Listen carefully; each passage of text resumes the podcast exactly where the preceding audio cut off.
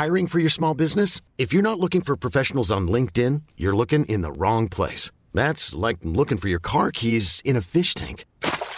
LinkedIn helps you hire professionals you can't find anywhere else, even those who aren't actively searching for a new job but might be open to the perfect role. In a given month, over 70% of LinkedIn users don't even visit other leading job sites. So start looking in the right place. With LinkedIn, you can hire professionals like a professional. Post your free job on linkedin.com slash achieve today. Ever catch yourself eating the same flavorless dinner three days in a row?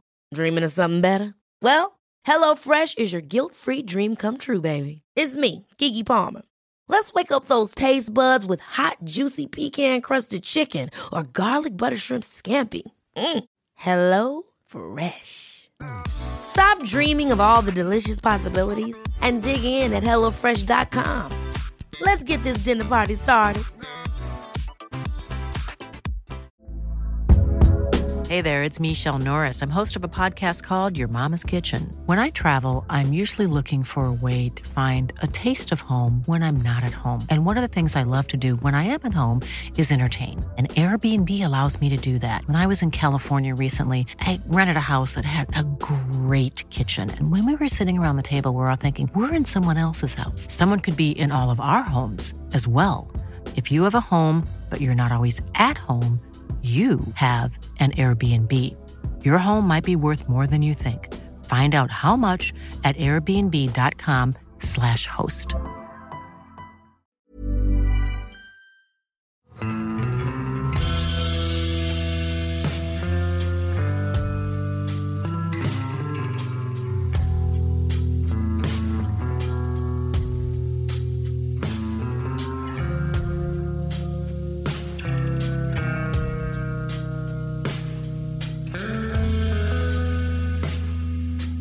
Hei og velkommen til podkasten Uteliv.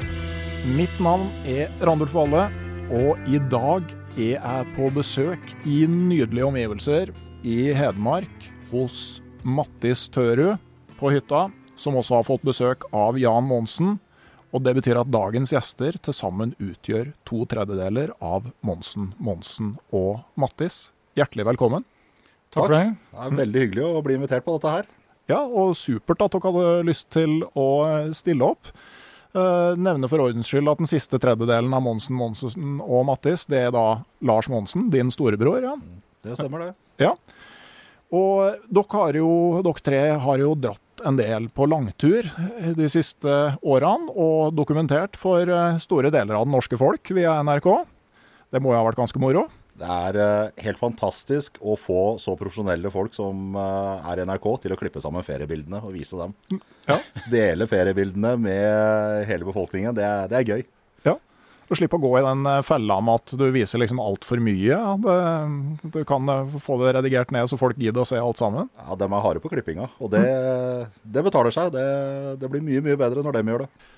Ok, men eh, Dere er jo litt sånn rundt omkring i den serien, men dere har jo vært både i Canada og Alaska. Og det er jo eh, områder som for veldig mange norske villmarkinger framstår som den store drømmen.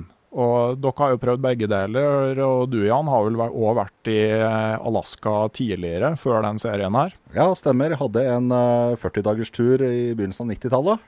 Mm. Hvor vi dro gjennom noen relativt bjørnetette områder. Ja, ja men, men, hvorfor er det Alaska og Canada som er den store drømmen? Hva er det som trekker, og hva er det som er så bra med å være på tur der? Du, du eller jeg starter, Mattis?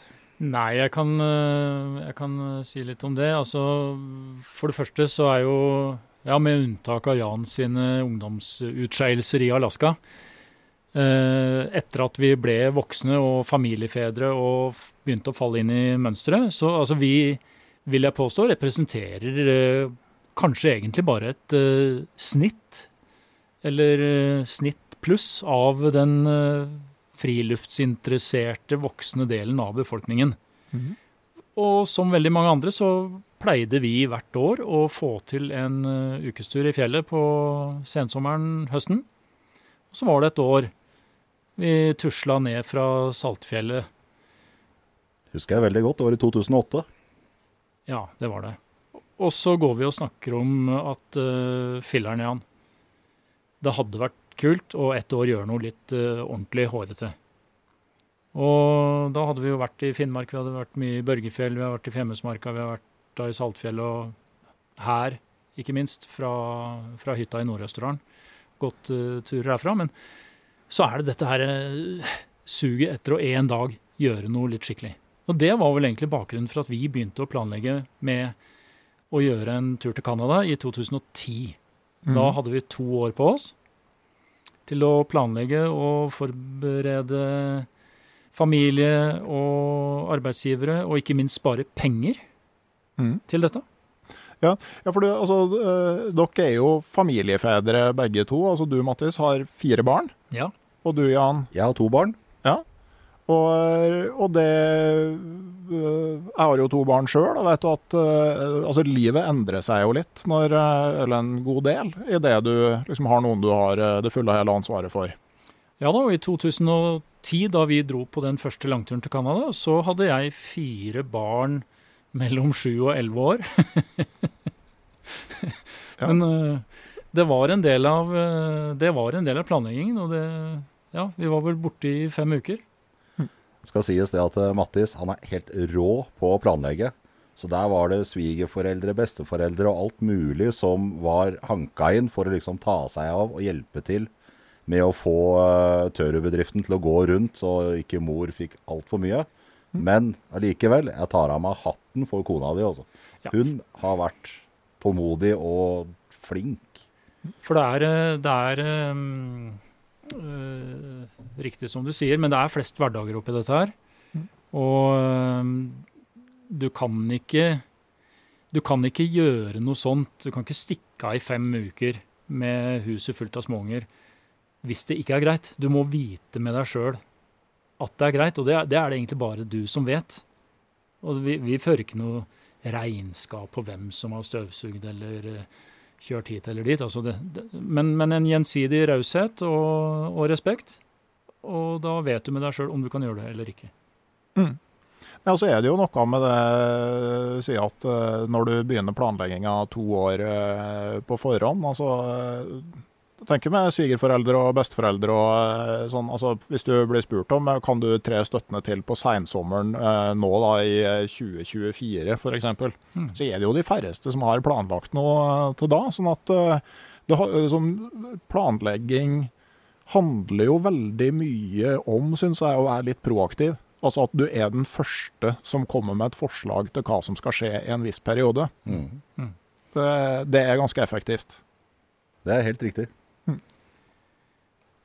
Men, eh, men, eh, sånn at eh, jeg skjønner jo liksom at for begge så kom et sånn ønske om en langtur. Men altså når det da blir, blir Canada, altså hva er, det, hva er det som trekker med Canada? Hvorfor ikke Finnmark, f.eks.? Ja, den, den, kan jeg gjerne Jeg kan gjerne svare på det spørsmålet, jeg, da. Mm.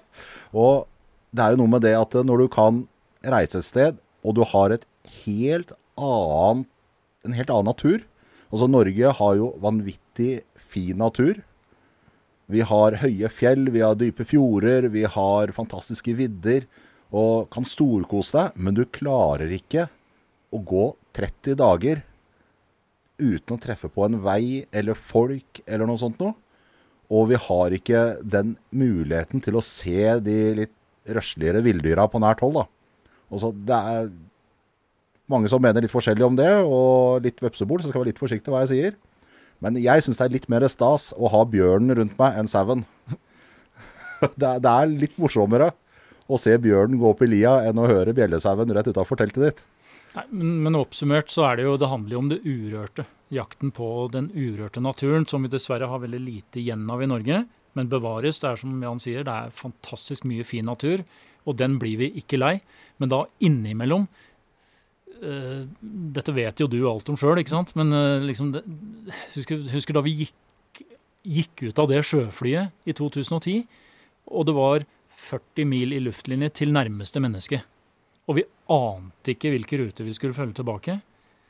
Uh, det var massevis av dalfører og fjellområder, og det var, det var liksom helt sånn opp til Ja, det var avhengig av eh, vannstand og vindretning og alt. Masse greier, da. Mm. Eh, hvilke ruter vi kom til å følge tilbake. Ja, men jeg tenker, altså, Naturen i Norge og Canada altså, den er jo på et vis veldig lik, syns jeg. Mm. Det, det, er bare at det er liksom mer av alle de kule tingene. Altså, altså, det er mer rovdyr, det er større urørte områder, det er mer og større fisk. Ja, det er helt eh, riktig. Altså, alt det du på en måte setter pris på når du er på villmarkstur, det er skrudd opp til 11. Mm.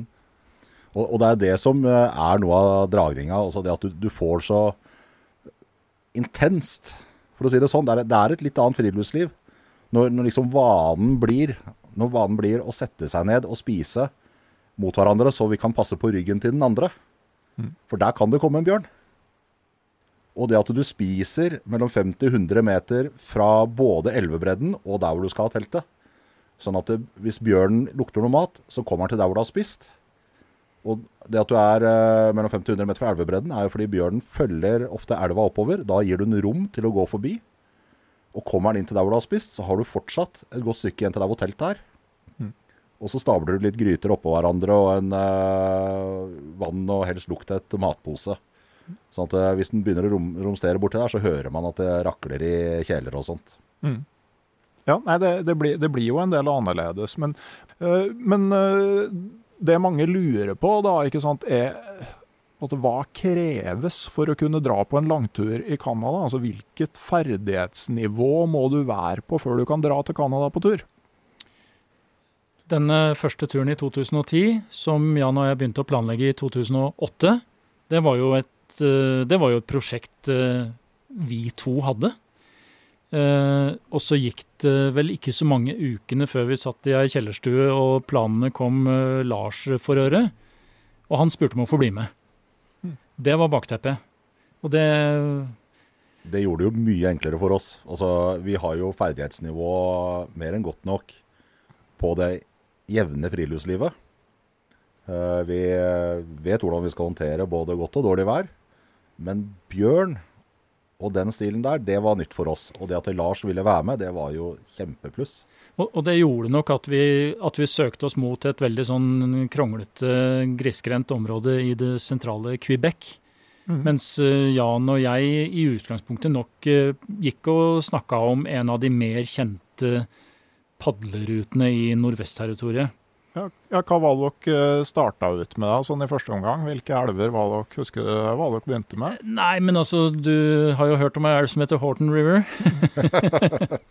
Eh, det, den sto på lista. Og, men, men, vi kom ikke så veldig langt i den planleggingen før Lars kobla seg inn og mm. sa at eh, nei, nei, nei, men så satt vi der og så så vi på kart og Google Earth og alt mulig sånt. Og så nei, men så kom vi rundt svingen her, så må du regne med at det står en lavvo. og Eh, er det det vi vil oppleve, eller vil vi oppleve det helt urørte?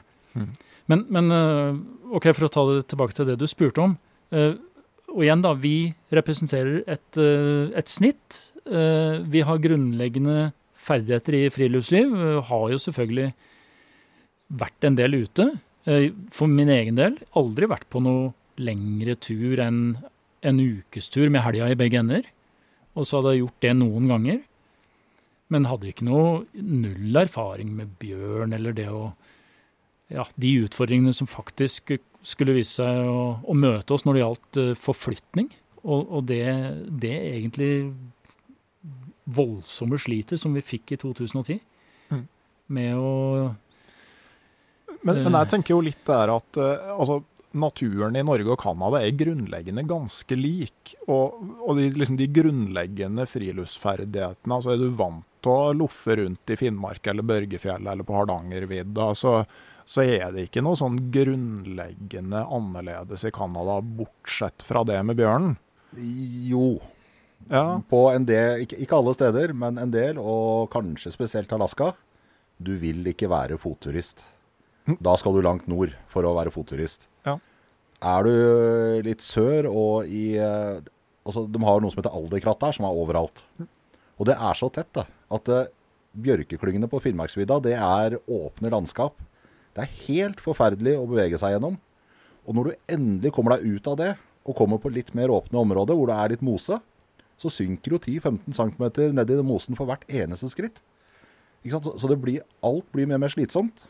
Mm. Og det, det, var noe av det jeg merka på den første turen da, på 90-tallet i Alaska, og fant ut at eh, jeg skal ikke være fotturist i dette landet her. Jeg skal bruke kano, og vi skal ha mest mulig vannvei.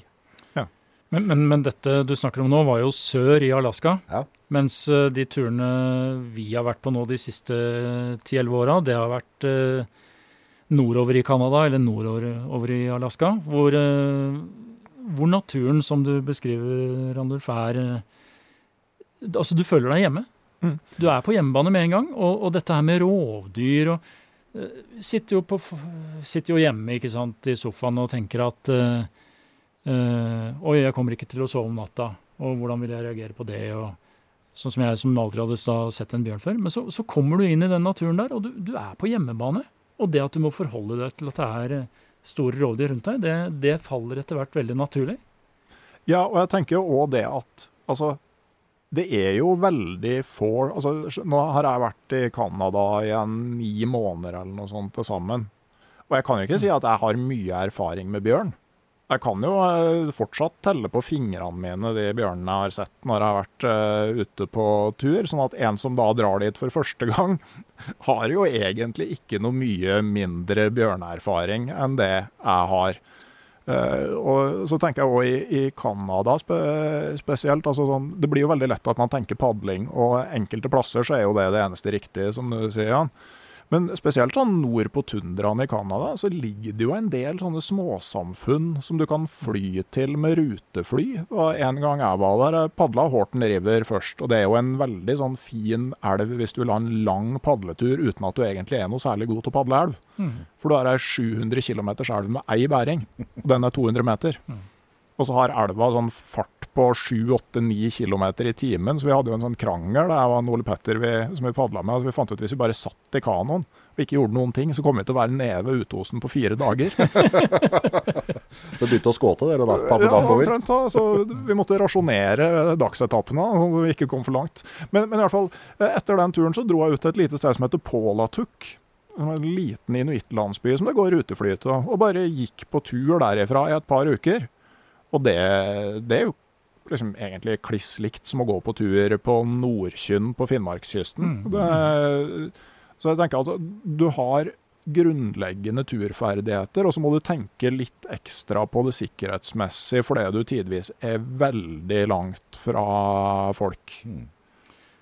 Ikke sant? Eh, du sier grunnleggende turferdigheter, og har du i tillegg grunnleggende fysisk form, så kan hvem som helst gjøre, gjøre dette her. Mm. Og vi ønsker jo gjerne å slå et slag for at flest mulig som går med en sånn tur i magen, bare gjør det. For terskelen er ikke spesielt høy. Det, det, er, ikke noe, det er ikke noe karstykke, men det, det, gir deg, det gir deg et, eh, skal vi si, et friminutt i tilværelsen. En, eh, en måned hvor du er, eh, eller tre uker eller fem uker, eller hva du velger, men hvor du er fullstendig frakobla og i bobla. Og det er, jo, det er, jo, det som gjør at vi selvfølgelig har suget etter å skulle gjøre dette her igjen også. Ja, altså Ikke minst det at dere bestemmer dere to år på forhånd. Altså Du har jo en sånn karamell å suge på i hverdagen i to år. Det er jo halve moroa, minst. Ja, jeg husker òg når jeg liksom avgjørelsen. Altså, jeg, av en eller annen grunn så blenka jeg meg ut Telon River mens jeg gikk på ungdomsskolen. Mm. At jeg skulle padle den. Og det var i 1988 eller 87 at jeg leste om det der. Og det ble jo 2001 før jeg kom dit. da, og Jeg begynte jo ikke å planlegge på 80-tallet, men, men liksom de årene hvor den der tanken etter hvert ble en konkret plan, og du begynte å lese opp og kjøpe kart og bøker og altså, Det er jo fryktelig stas. Da. Ja, det er det. Så liksom En sånn langvarig karamell å, å suge på. Men, men, litt altså sånn, hvis du velger tur etter evne, så er det veldig mange som har forutsetninger for å dra på en, en tur i Canada, tenker jeg. Men, men man, må jo, øh, man må jo være litt enige om hva slags tur det skal være. Kanskje at øh, Altså, Snakka dere mye om liksom, altså, måte, hvor mye slit skal det være, hvor mye fisking skal det være, hvor mye framdriftspress? Altså, Var det mye sånne diskusjoner? Vi hadde det, og der ble vi ikke helt enige. Jeg eh, er jo Hva skal jeg si? Jeg forfekter latmannslivet. Syns det er veldig fint. Jeg er en ganske laidback type. Uh, og tenkte at uh, den turen vi ser på nå, i 2010 Jeg husker vi sto, hadde kartet på veggen og prata, og jeg ønska at kan vi ikke heller starte der? Det er litt nærmere. Dette kan bli mye pes. Men uh, så ble vi nå enige til slutt om å starte der hvor vi gjorde. Og den 2010-turen, det er kanskje den mest fysisk krevende turen jeg noen gang har vært på. Mm. Og de mest slitsomme dagene var da vi klarte å bevege oss to kilometer. Ja. Og husk også på at dette var, dette var, jo lenge før det var noe sånn uh, snakk om at dette Eller det var, det var, ikke noe tema at det skulle bli TV. Uh, La, Lars hadde jo spurt på forhånd om ja, gutter, er det greit hvis jeg filmer litt og sånt underveis, kanskje jeg kan bruke det til noe eller noe foredrag eller et eller annet sånt. Men så, så havna jo det materialet hos NRK, og de fant jo ut at dette kan vi lage noe ut av. Og, og, så ble det jo en ny tur, og det ble en ny tur deretter og så videre. Resten kjenner vi. Men vi filma jo veldig lite. Mm. Uh, at NRK klarte å lage to episoder av de få timene med råmateriale vi hadde etter 2010-turen, det er jo helt, helt utrolig. Men, men, vi fikk jo den turen som vi ønska oss, og som vi da til slutt ble enige om at vi ville ha. Og det innebar jo omtrent hundrevis av bæringer. Og veldig mye motstrøms padling i motvind. Og eh, ja, vi, vi, var ganske magre da vi kom fram. Og mm. delvis sviktende fiske i padla gjennom noen voldsomt svære skogbrannområder hvor fisken tilsynelatende var helt uh, fraværende. Jeg gikk jo ned 15 kilo på den turen, og likevel så var jeg tjukkere enn det du var. ja. Jeg fikk kjeft da jeg kom hjem, jeg òg. Og det ja, det, Vi kan snakke litt om mat, men det er jo faktisk et poeng det der at uh, Jeg kjenner jo folk som har uh, hatt en del sånne turer. og Hvis, hvis noen som har måte, 15 kg overskuddsfett, bestemmer dietten, og så har du kondisjonsidrettsutøvere med på det samme laget som skal spise like mye mat, mm. Det funker ikke så veldig bra. Det, sånn at eh, det å tenke litt gjennom at folk er forskjellige og har forskjellige energibehov, uh, det, det, er jo sånn, Du skal ikke nødvendigvis kopiere dietten til noen andre. For det, det, kan være ganske store personlige forskjeller på hvor mye du har med deg. Ja, Jeg må bare skyte inn at vi spiste oss, altså jeg spiste meg mett hver eneste kveld på Som regel var det store fiskegryter, eller så var det litt ekstra potetmos, men jeg var mett hver eneste kveld. Ja, ja, og det er jo ikke det, er ikke det, det står på, selv om, selv om, det selvfølgelig blir litt mer sånn eh, Det blir satt litt på spissen, gjerne på TV.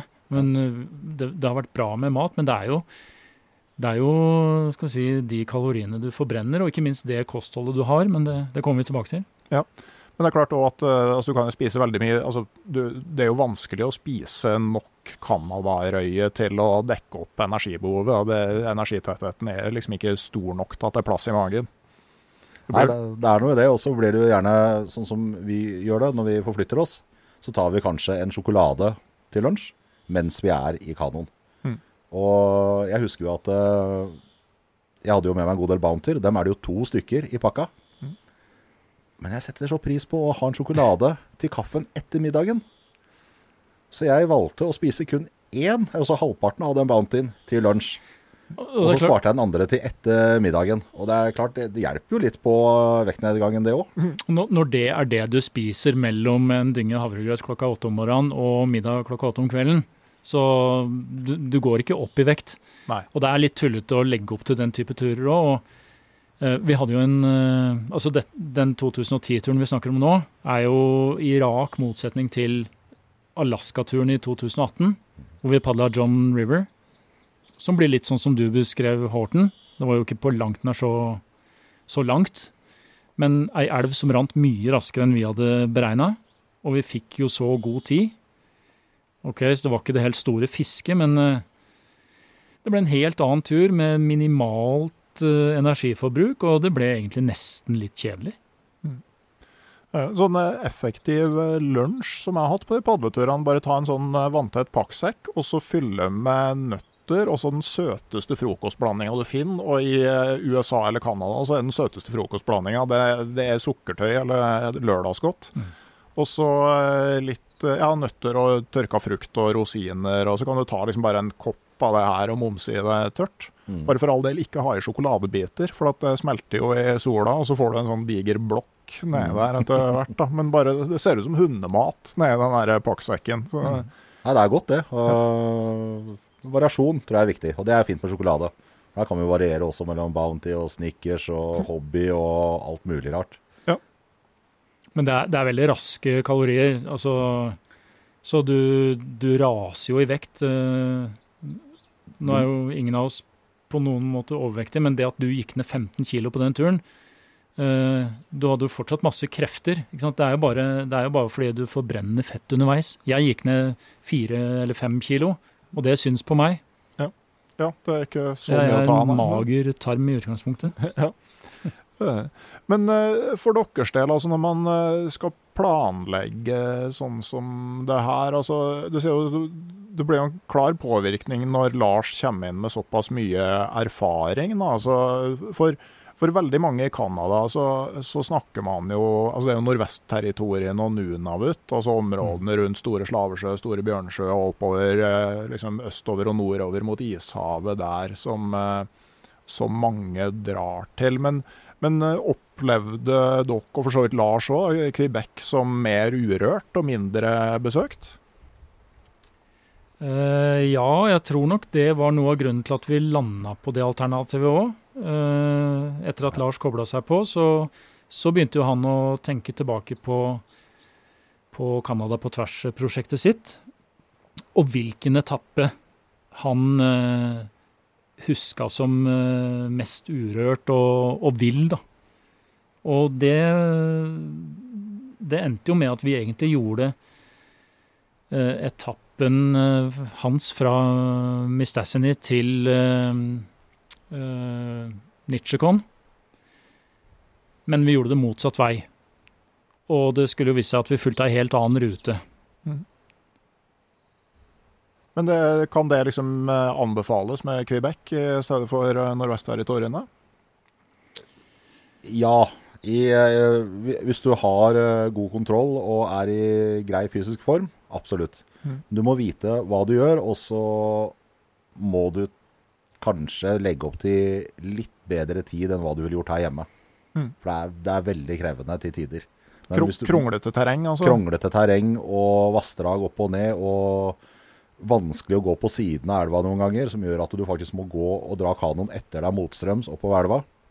At det blir det greieste. Og det å være forberedt på sånne ting Men det er klart, har man ti, god nok tid, så er det ikke problem. Nei. Men øh, nå for bare en par-tre år siden, tror jeg, så, så var det noen karer fra, fra Jeg tror de var stort sett fra Oslo-området. Uh, som, som tok kontakt øh, med oss, og de, de ba om litt guiding. For de hadde lyst til å gjøre en del av den ruta som vi gjorde i 2010. Eh, for å gjennomføre på en måte sin drøm. De hadde ikke fulgt så mange uker til disposisjon, så de måtte på en måte velge én distanse. Og eh, som jeg sa, det var, det var jo litt sånn varierende fiske. Eh, de valgte seg en strekning hvor det viste seg at det bare var gjedde. De fikk ikke ei eneste canadarøye, og følte seg nok litt snytt. Og jeg håper de går nå og planlegger en ny tur, for jeg vet det var en viktig greie for dem. Mattis blir jo litt misunnelig da når han bare får gjedde. Han har jo lokale navn i gruppa som Gjeddekongen.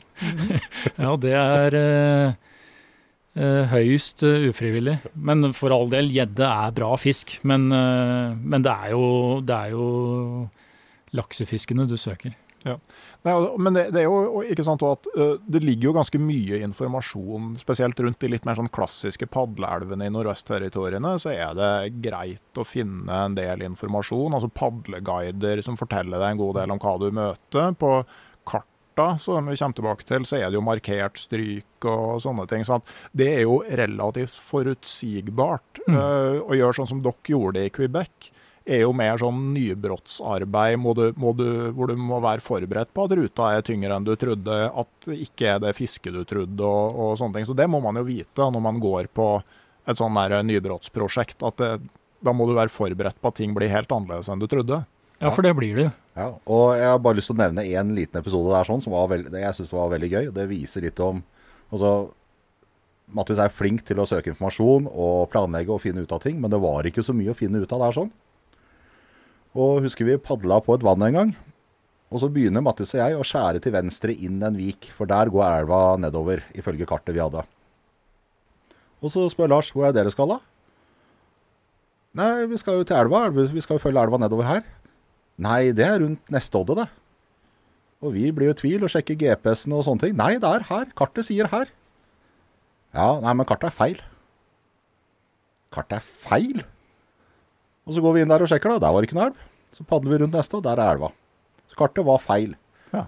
Og da tenker jeg at vi trenger jo ikke å søke sånn veldig mye informasjon når han klarer å lese det ut fra et kart, at kartet faktisk er feil. Nei, og Det- han, øh, han Han er helt rå på han- kart. Ja, og på, ikke minst på å lese terrenget, da. Ja, og og det tenker jeg liksom eh, Det er jo en sånn kunnskap Det med å lese terrenget er jo en sånn kunnskap som veldig få har i dag, for det er vi stort sett alltid orientere etter dønn riktige kart. Mm. Så øh, jeg har jo tenkt litt på det, liksom sånn som Hjalmar Dale, som jeg har jobba litt med, og som var førstemann ned Telon. Og så kommer inn på en diger innsjø, og du vet at et eller annet sted renner elva ut igjen, men du vet ikke hvor. Mm. Det, men det er jo øh, interessant å høre at, at noen også i dag har den kunnskapen. da, Å lese terrenget. Ja, det- Vi har spart mange timer med slit på at uh, f.eks. Mattis og jeg har gått og fiska eller gjort noe, en, en bæring ekstra for at Lars kan ligge og studere kartet en dag. Da, når vi kommer, kommer tilbake da, så er eh, ruta i store trekk eh, lagt. Og finner at vi må gå der og der. Og vi har spart mye slit og strev på det. Ja, og det, det har ikke bare vært i Canada og Alaska, men det har vi merka på turer her hjemme også, altså hvor, eh, hvor vi egentlig burde være på hjemmebane, men hvor han bare han, han, han går rett på. Og det blir liksom Det blir ikke feil. Nei, det, Der vi fomler rundt og kåler og Nei, han, eh, han, er, han har virkelig svart belte i, i det der. Og 2015-turen, eh, da vi kryssa Ungava, den var jo inspirert også litt av det du var inne på der med at det ikke var noe særlig beskrivelser. Vi Jan og jeg satt jo Vi, vi hadde bestemt oss etter 2010-turen for at nei, filler'n, dette her var stas, vi må ta en ny tur. Men uh, det var jo fortsatt ikke noe sånn TV-bakteppe og sånn, så vi, vi la det da noen år fram i tid. Så vi bestemte tidlig at i 2015 skal vi på ny tur. Um, så satt vel vi ved kjøkkenbordet mitt hjemme og kikka på Google Earth og store oversiktskart, og, og, så, og så så vi denne her Ungava-halvøya som, som skiller på en måte Hudson Bay fra Atlanterhavssida. Og vi hadde ikke hørt om den. Og vi så at det var en og annen inuittlandsby rundt kysten. Eh, og vi sjekka og fant ut at det var eh, sånn de fleste dagene i uka et eh, anløp med en twinoter fra et lite ruteflyselskap. Og liksom her, her er det en logistikk som kan funke. Mhm. Og fullstendig fravær av padlebeskrivelser, og, men vi så at det var eh, relativt sammenhengende vannveier fra Hudson Bay og opp til en eller annen stor sjø, og så elver du kunne følge, eller elv du kunne følge videre mot eh, øst, da. Det var et par, eller var en gang jeg begynte å lure. Altså. Vi hadde padla Hudson Bay bortover i en tre dager eller noe sånt, tre-fire dager før vi skar inn. Og opp i terrenget, og så må vi begynne å bære. Vi, for vi må jo komme oss opp til et vann. Og på dag to av bæringa, og jeg går med en kano, bærer på en kano, og så kikker jeg meg rundt, og det er ikke et vann i sikte. Da lurte jeg litt på hva er det egentlig vi holder på med kano midt oppå vidda her. Men uh, det var verdt det når vi kom fram. Det er, det er kanskje den råeste turen jeg har vært på. Også med, med tanke på trivsel. Mhm. Jeg, eh, også, ingen av oss har noe problem med å gire om når det trengs, men jeg foretrekker det, kall det enkle, behagelige friluftslivet, hvor du har det godt, rett og slett. Og det hadde jeg hele den turen der. Mm. Litt slitt med den bæringa, men ellers så var det Og det er ikke feil å slite, men ellers så var det bare kos. Det var helt fantastisk natur. Masse fisk, ikke noe mangel på det i det hele tatt. Det var spennende, spennende padling. Det kom noe nytt rundt hver eneste sving. alt fra høye klipper hvor jeg måtte legge bånd på meg for ikke å klatre opp og stupe uti, eller- og nok å brenne, ikke minst. Altså Vi kunne ha fine bål stort sett hele tida. Ja, vi var, var jo omtrent på tundragrensen, så det veksla jo, det bølga jo mellom, mellom snaufjellaktig terreng og i begynnelsen denne her lave, granlignende eh, tresorten, som nedover elva ble høyere og høyere. Og til slutt så var det, så var det storskog. Mm. Og, og det dere sier, ikke sant, med å begynne planlegginga på Google Earth, Mm. det er jo For jeg tenker du kan ha to strategier liksom på enten finne ei elv, ei rute som det er gode beskrivelser på, eh, eller så kan du liksom begynne som dere gjør. ikke sant? Altså I dag så har du den muligheten. Begynne der. Se etter er det noe som henger sammen. Og ikke minst, ikke sant, hvis du da kan ta deg fra én bosetning til en annen, Mm. eh, og slippe det med utflyging med taxifly eller med charter. Da sparer du mye penger. Ja, for, for det er jo noe som folk lurer på. altså Hvor mye koster det her? Uh, og jeg tenker jo at det er veldig vanskelig å svare på. fordi at det handler jo veldig mye om hvor mye du velger å bruke. Altså Det du ikke kommer unna, det er jo flybilletten fra Oslo til der du skal starte, i Canada. Mm. Jeg sjekka nå at uh, tur-retur Edmonton uh, ca. 10 000 kroner hver vei. Okay. Uh, jeg så på at uh, da jeg drev og reiste over der de første gangene, så hadde du jo to ganger 32 kilo bagasje du kunne ha med. Det var jo veldig greit. Og nå er det én ganger 23 på de billigste billettene, men jeg så at å gå opp et par tusenlapper, så kunne du ha med to ganger 23 kilo. Mm. Og det er jo sånn som er litt verdt å tenke på eh, når du skal begynne å planlegge. Da. At, du har, eh, at du ikke nødvendigvis bare hiver deg på den billigste billetten, men tenker litt igjennom eh, hvor mye bagasje du, du trenger å ha med. Ja. Vi, vi har betalt masse i overvekt hver gang. Uh, budsjettet det tror jeg du kan snakke mer om, Mattis, som har litt mer uh, kontroll på hva som skjer. uh, ja, nå er det jo noen år siden vi gjorde dette sist, men, og vi har ikke flydd så langt som til Edmonton. Det vil si vi fløy jo til, til Anchorage. Men de to Canada-turene så har vi jo flydd internasjonalt til, til Montreal. Mm. Eh, og inklusiv diverse overvekt, ikke sant. Vi snakker jo kanoer og våpen og, og litt sånn. Så, så har vi kanskje havna på rundt 15 laken Mm. Tur-retur. tur-retur. Mm. Og så har, vi, har det jo fort balla på seg med et par hotelldøgn i hver ende. Mm. Eh, Det kan man selvfølgelig skrelle ned på. Mm. Så det blir jo gjerne da en innenrikstur fra, fram i det tilfellet Montreal og til en eller annen utpost. Og innenriksfly, det er svindyrt i Canada og Alaska. Ehm, Men det er fortsatt ikke like dyrt som, å, sånn som vi gjorde i 2010, hvor vi leide et fly for å fly oss langt ut og slippe oss av. Ja, etter å ha fløyet rutefly til eh, endestasjonen. Ja. Det, og da ryker det fort på 10 000 ekstra per hode. Mm. Mens uh, Ungava, hvor vi fløy rutefly til Umejuyak og fløy rutefly hjem igjen fra Tassijuyak, som var endepunktet, helt kurant.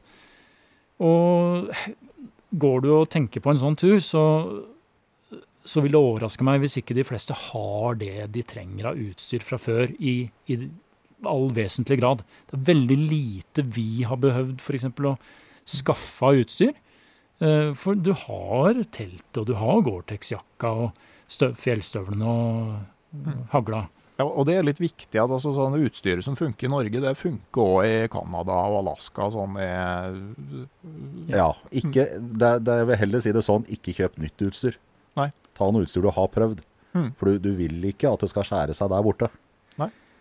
Og så handler du maten der borte. Mm. Mye billigere og mye bedre utvalg.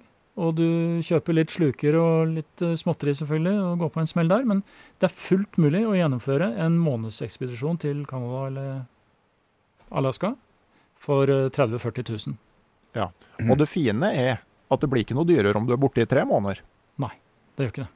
Det, det er noe å tenke på at øh, spesielt øh, til, til ungdommen, er ikke det et dikt? At eh, pass på når du har alle muligheter og ikke noe ansvar. Det er ingen grunn til å ta bare en treukerstur til Canada eh, hvis du er 23 og ikke har eh, ansvar for noen ting.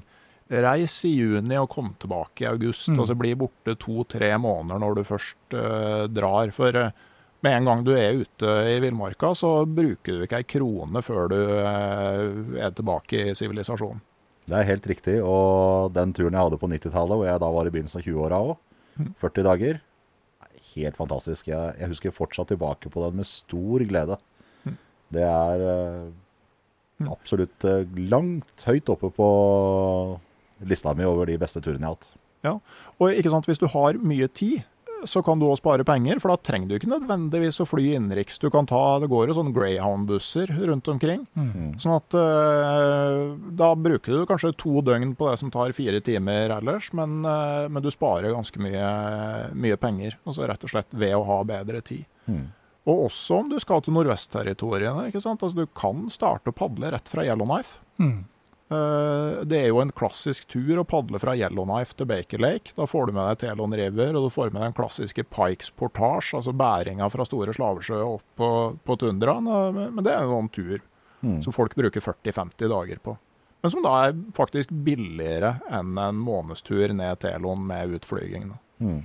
Og igjen da så handler alt om planlegging og eh, for mitt vedkommende som eh, firebarnsfar eh, eh, og denne 2010-turen, det å sette av et fast beløp i måneden i et par år tar ikke, tar ikke det i huet, men bare sørge for at når den flybilletten skal kjøpes, og de legges gjerne ut sånn et snaut år i forveien, og da er de billigst, og da har du de penga på konto. Det er den største. Og, så, og så kommer det noe småtteri underveis, og så er det noe fiskekort og noe jaktkort og noe sånne ting. Men øh, den Ja. store greia, det er, det er flybillett. Jeg husker for min del som eh, sånn doktorgradsstudent, da, da har du en viss lønn, men du er ikke akkurat lønnsledende. Men jeg, jeg bodde jo på hybel til jeg var 30. Og da har du jo sånn relativt altså, da, da kan du, når eh, liksom, du bestiller flybillettene over dammen før jul en gang, så, så går mesteparten av penga du hadde den måneden der, så det blir ikke så mye øl den måneden. Og så går det litt over jul, så skal du betale første halvparten av utflyginga ut på tundraen, ikke sant. Og så kommer det sånn litt eh, jevnt over. sånn at eh, eh, det, det går an å liksom, enten du er i den ene situasjonen eller den andre, å finne en måte å sette av, av pengene på. Det er jo en del som har spurt altså sånn, hvordan er muligheten for øh, altså, Er det mulig å gjennomføre det her uten sponsorer? Altså, jeg tenker Det er veldig mye vanskeligere å få gjennomført det med sponsorer enn uten. Ja, definitivt. Det nåløyet tror jeg er veldig, veldig trangt. Ja, det, Vi har, jo, vi har jo ikke hatt noen sponsorer eh, på verken 2010-turen eller altså Vi var jo forberedt på å betale dette selv. Nå har det blitt sånn etter hvert at vi har sluppet utgifter på de senere turene. Fordi Lars har vært grei og sagt ja, men det kan jeg ta, for jeg har en avtale med NRK. Og bare for å gjøre det helt klart, han har ikke tjent på den avtalen fordi han er såpass uh, raus som det han er når vi er på tur. Og det er ikke der eh, det, det som driver han der. Men vi eh, kommer oss da ut uten sponsorer, og bruker det utstyret vi har i stor grad. Må ikke kjøpe nytt. Og så for min del så Jeg er ikke like flink med penger som f.eks. Mattis. Så det hender jeg går på en smell innimellom. Plutselig så var det en Canada Goose-jakke jeg likte der eh, for en stund siden, og liten ekstra middag og litt sånne ting. Ja, nei, og jeg tenker altså, øh, altså Det med, med sponsing altså, det er jo et forferdelig trangt nåløye. Og det er jo sånne, øh, sånne relasjoner som ofte bygges opp over veldig lang tid. Altså De fleste Kanskje du får litt rabatt eh, på noe utstyr første gangen du spør. og så De aller fleste gjør jo ingenting av det de hadde lova de skulle gjøre med, med den sponsoren.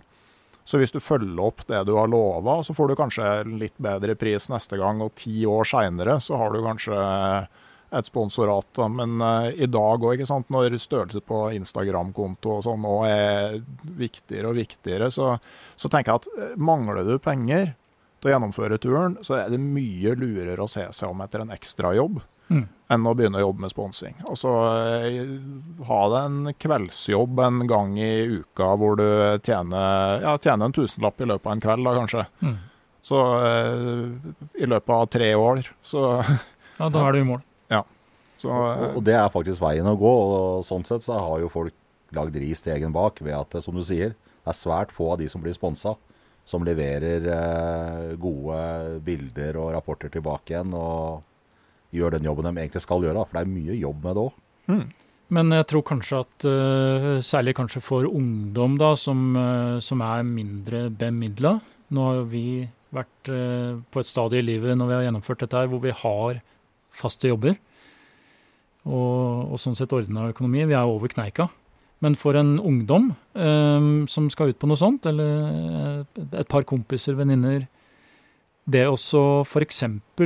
gjøre en avtale med lokalavisa, eller regionalavis, jeg har litt erfaring med det fra, fra annen sammenheng sjøl, gjøre en avtale på forhånd, så er det gjerne mulig å uh, produsere noe materiale, Uh, og, og at det blir, om ikke reisebrev, så i hvert fall en, en artikkel eller artikkelserie når du kommer hjem, hvor du kan få eh, noen kroner tilbake.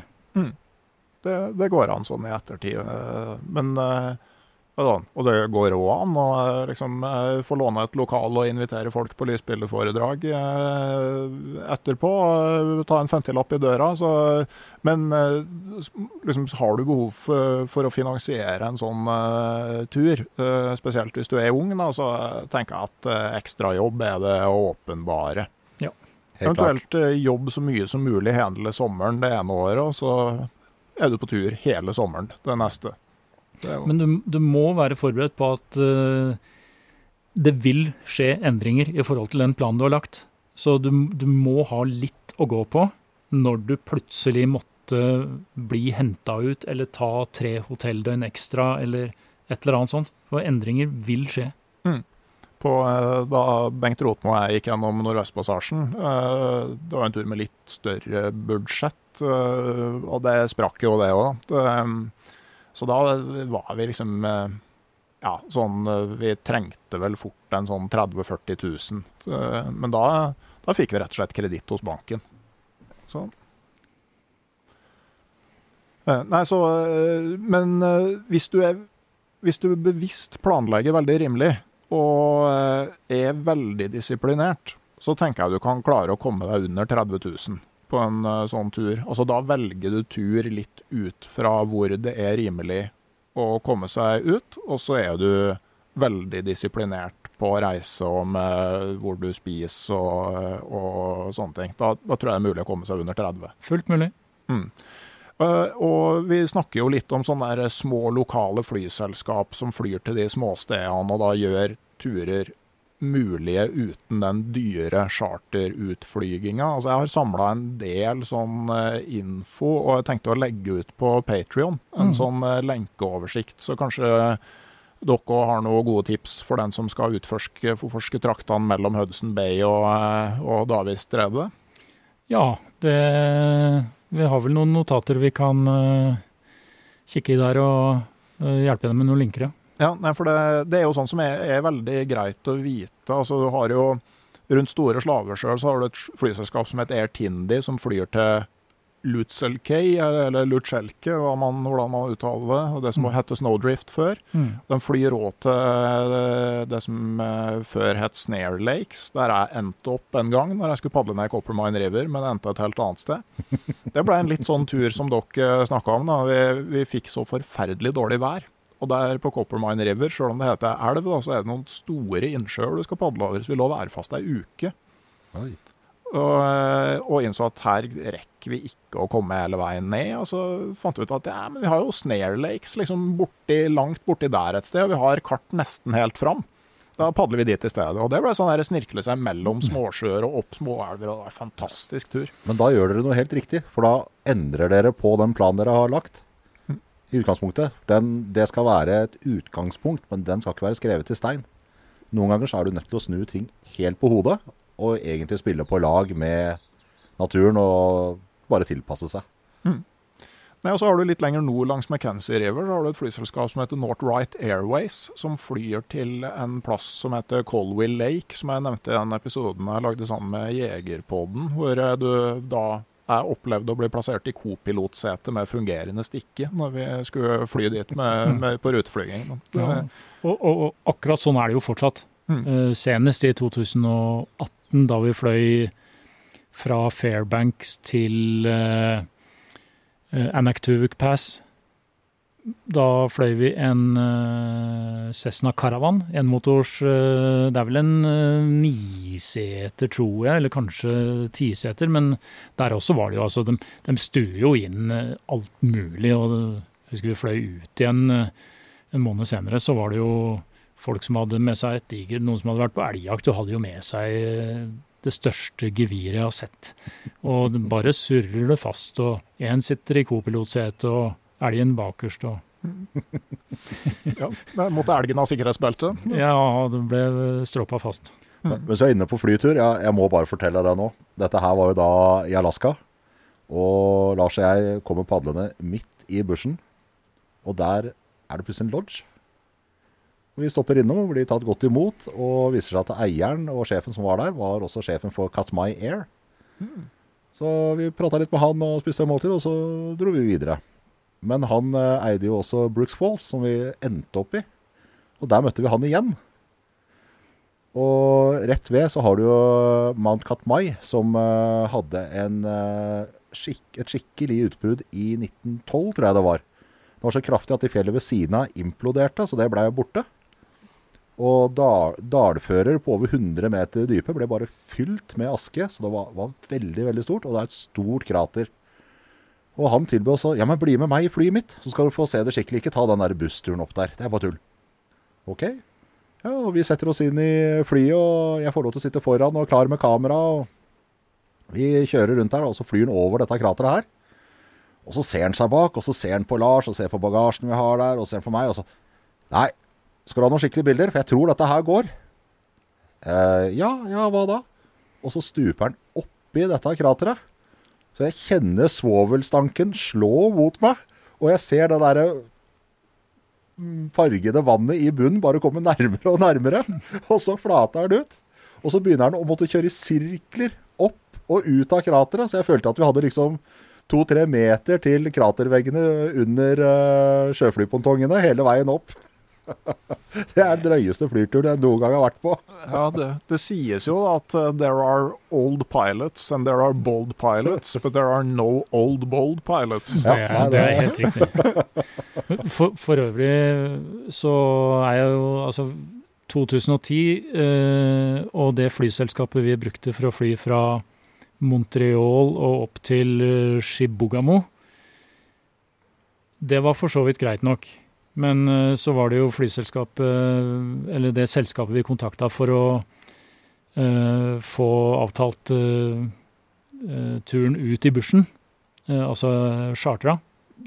De selskapene, de kommer og går. Og jeg har fått, eh, fått masse henvendelser etter den 2010-turen, eller etter at dette her kom på TV i sesong én, om folk som ber om tips og eh, råd da, for å eh, få håndtert logistikken. Og det viser seg at eh, liksom det som stemte i fjor, det stemmer ikke nødvendigvis i år. Nei. Eh, Men en erfaring som vi også da har gjort oss sjøl, det er å kontakte turistkontorene i disse her eh, provinsene.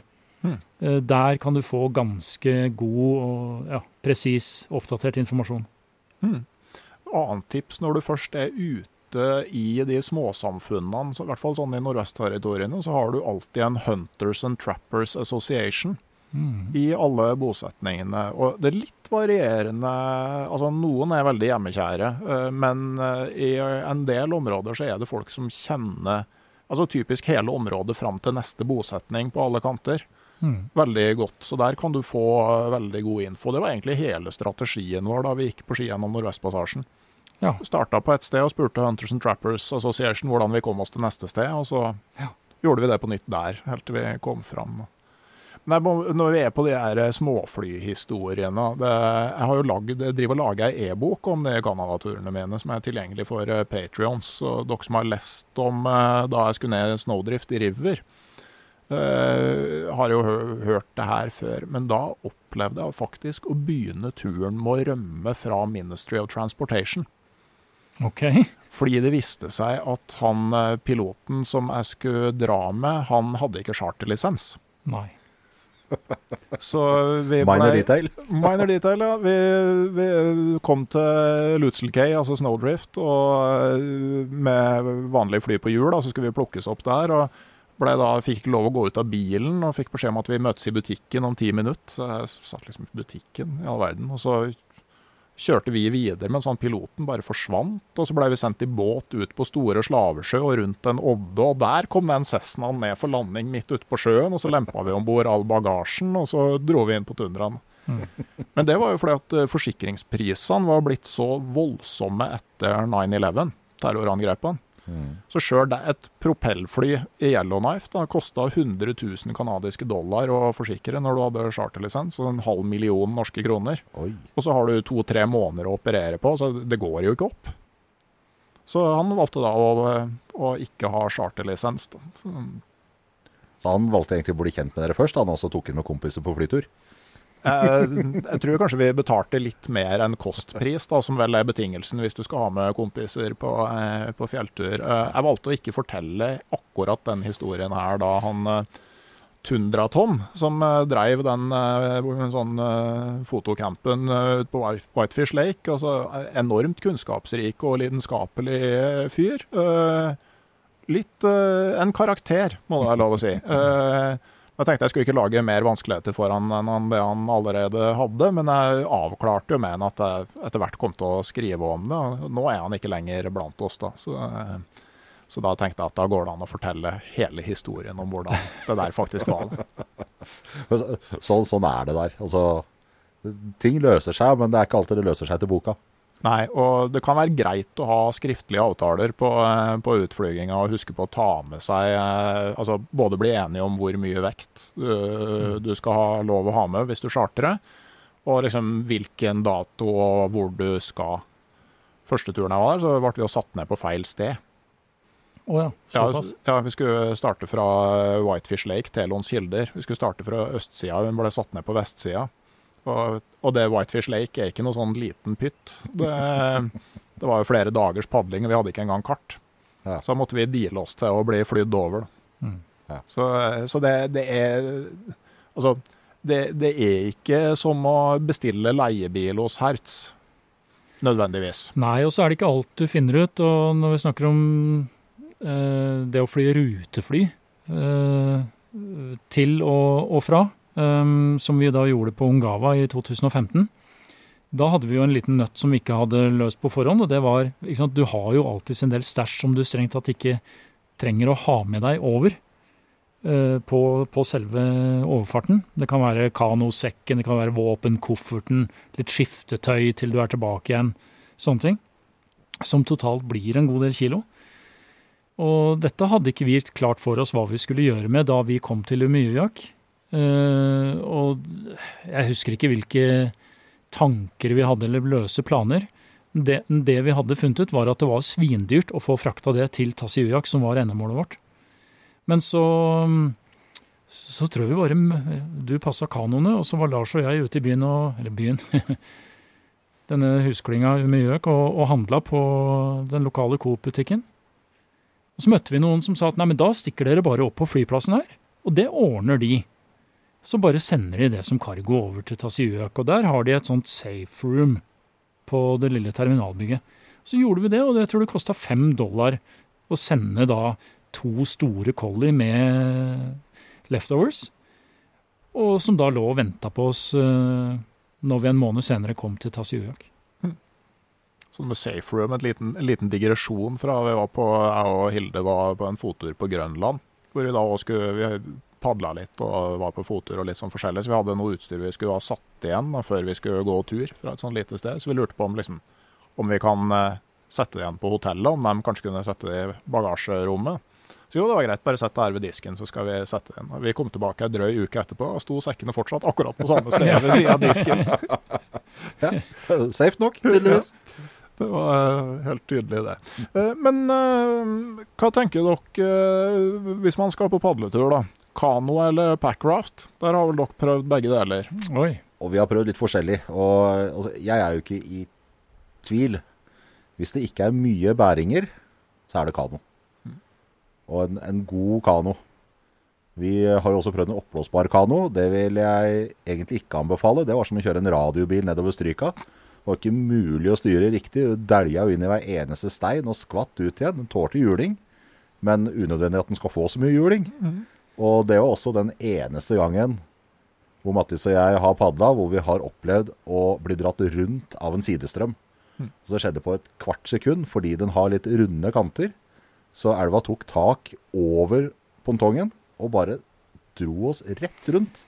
Det er klart, vi, vi var ja, vi var tungtlasta, og vi måtte jo også ta noe av bagasjen til Lars, for han hadde jo en liten packraft. Eh, men disse punktongene, da, eller kammerne som du fyller luft i på denne oppblåsbare kanoen, gjør jo at pakkvolumet blir jo så som så. Så vi måtte jo bygge i høyden. Så vi så, det så jo ikke ut. Men skal du velge én farkost, uh, uten tvil en kano. Uh, og da en tradisjonell kano, gjerne, gjerne f.eks. en Ally, den vi har best erfaring med. Uh, den gir deg fleksibiliteten, du får med deg det du vil, og den er sjøsterk som eh, Ja, du, du vil ikke tro det. Og solid. Ja, og spesielt når den er tungt lasta, så er den jo nesten umulig å velte. Ja, den er det. Mm. Uh, Packraft, uh, fantastisk uh, framkomstmiddel. Uh, men den er jo først og fremst uh, designa for å padles nedover ei elv. Ja, Men jeg tenker på sånn litt sånn der oppdagelsesferder med elver og småvann og mye bæringer. Ja, og, packraft. Ja. og så I tillegg også får du der at logistikken til startsted og hjem igjen eh, altså Du har tre kilo med packraft i stedet for 15 kilo med kano. Mm. Det er sånn at eh, Det, det kommer jo helt an på turen. fordi altså, Hvis du har sånn tur som du sier, med småvann og elver, så er packraft innertier. Har vi sånn som den Ungava-turen vår, hvor det stort sett var elv, men vi hadde jo lagt Minto på toppen der, som er er 12 mil lang eller noe sånt. Ja, eller 14. Ja, og da, da sliter man litt med packraft, for du, du har ikke den samme fremdriften. Så, fort, så fort du slutter å padle med en kano, så sklir du noen meter. Så du kan på en måte hoppe over et tak eller to. Med en packraft så stopper du med en gang. Og så er du mye mer utsatt for vind. Ja, og det var det jo ganske mye av. og Vi padla jo denne Leaf River som var eh, hva var det, 30-40 mil sant, ut til kysten. Og det var jo noen Selv om det var ei relativt rasktflytende elv, så var det også der mange mil med stillestående flod, nærmest. altså. Mm. Og når du da fikk i tillegg få motvinden der Så vi hadde jo dager hvor vi lå værfast. Og vi hadde en dag hvor vi valgte å gå langs land og dra kanoen. Det gikk raskere enn å sitte utpå der og padle. Mm. Ehm, Ja, og, og det er jo en del vind og store åpne landskap. Altså Det som kan funke, er av og til å snu på døgnet. For det at uh, ofte stilner mot kveld og natt. Så liksom i stedet for å slite seg ut i motvind om dagen, så tar du det med ro, og så er det å stupe utpå med en gang det stilner, og padle så lenge det er noenlunde stilt. Det er helt riktig. Så, men uh, hvis vi skal prøve å oppsummere, altså hvis du skal drive litt sånn der geriljautforskning i uh, små elver, uh, creeks, småvann, ta deg litt sånn rundt omkring og hit og dit etter Google Maps-planen din, så kan packraften være grei. Med en gang du kommer ut på store elver og større innsjøer, så er kanoen bra. ingen tvil. Og så er det òg en ting med å bære elgkano. Jeg tenker at Uansett nesten hvor lang turen din er, så må du klare å bære på to runder. Hvis ikke så tar det for lang tid. Ja, og vi erfart, har jo erfart uh, det, at, uh, og særlig i begynnelsen av turen, da, hvor, hvor du Du har jo pakka med deg mat for en måned, og selv om du baserer mye av kostholdet på, på fisk, så blir det jo kanskje 15 kilo, det du skal ha med deg, og det krever en egen collie. Og det gjør også at uh, du må gå tre vendinger. Ja, jeg har aldri gjort det. Eh, Jeg har eh, hatt en sånn diger ryggsekk, og så har jeg hatt en sånn dagstursjekk i tillegg. Sånn at eh, på bæring nummer to så tar du kanoen og dagstursjekken, og så tar du resten på den første. Og det, og det er helt normalt, men det er én liten forskjell der sånn. Du har sannsynligvis da ikke hatt med deg to TV-kameraer, x antall GoPro-er med ekstra batterier til begge deler, en drone og stativ og speilrefleks og masse fotoutstyr. Nei, ikke alt det. På, eh, etter hvert, det, det der fotoutstyret, det har jo liksom hatt to store kamerahus og Mm. to telelinser og eh, liksom eh, Det har nok Ja, du er ikke, du er ikke langt unna Nei, den vekta vi har hatt. Altså. Fort, På de siste turene jeg var over, så var det nok fort nærmere 15 kilo kamerautstyr. Men det er klart, altså, det, det drar på mye. Men, men skal du padle langt, altså, eller har du en tur med my mange bæringer, så går det fryktelig mye tid hvis du må ta tre runder. Ja, det Ja. gjør det. Da må du eh, bare skru om hodet ditt, og så må du tenke dette er god trening. Nei, men jeg husker eh, Du nevnte Jan, eh, denne her bæringen fra Hudson Bay og opp til det første vannet før vi kunne begynne å jobbe oss videre østover vannveien, retning Atlanterhavet, i, i 2015. Og mm, da Da var vi jo fortsatt der at vi hadde tre bæringer. Og det er, det er jo summen av det. Det var jo Én ting er kamerautstyr. Det, det var sånn sett overkommelig, men du har maks på matbeholdning, og det er vev og børse, og det er fiskeutstyr, og det er årer, og det er reserveår. Og, men det var ikke så veldig mange dagene eh, østover der før vi kunne begynne å ta dette her litt ned, og så, og så la vi oss på to, dag, eh, to vendinger. Og da, da blir alt mye, mye lysere. Og så er det òg en ting med den Alley-kanoen, at bæringa skal ikke være veldig lang før du tjener på pakken ned i kanosekken før bæringa. Så eh, jeg tror eh, alt over to kilometer omtrent. tenker jeg To-tre kilometer. Mm. Der, om, der omkring ligger det ei grense for hvor det faktisk blir lettere å, å pakke sammen kanoen før du bærer. Det er nok riktig. Og spesielt i vind og i kronglete terreng. eh, Så, så er det fryktelig tungt å bære oppslått kano. Stemmer det. Mm. Eh, Så er, det, så er det jo en forskjell da på om du er alene eller om du er to, i to på en kano. Stort sett har jo Jan og jeg padla sammen og har vært én mann i hver bau. Og det er også en mer effektiv å bære på enn å, enn å gå med en over huet, sånn som du må når du er alene. Ja, sant det. det sånn jeg, var, jeg har hatt én solotur eh, med kano uh, øst for Store Slavsjø. og Da klarte jeg faktisk å ta ting på to runder. Mm. Jeg ble slank og fin, da. Ja, man blir det. Det er god trening. Ja, for det er jo også sånn, altså du må kutte altså på, på turer med en god del bæring, så må du ta en del kutt for å få ned vekta. Tenke vekt på, på alt. Uh, altså med utstyr uh, og for så vidt òg med mat og med, med brensel. Jeg har uh, i stor grad gjennomført de turene der uten å ha med primus. Det har, vi har ikke hatt med brenner av noe slag på disse turene, vi heller. Nei. Det er først når vi har vært i, i Norge nå sist. Og Finnmarksvidda vin vinterstid er veldig greit med Da er det veldig greit med brenner. Men uh, på de vanlige turene her, så altså, ingen av oss er eh, altså, vi, Jeg tør påstå at vi kan fyre bål, sånn stort sett.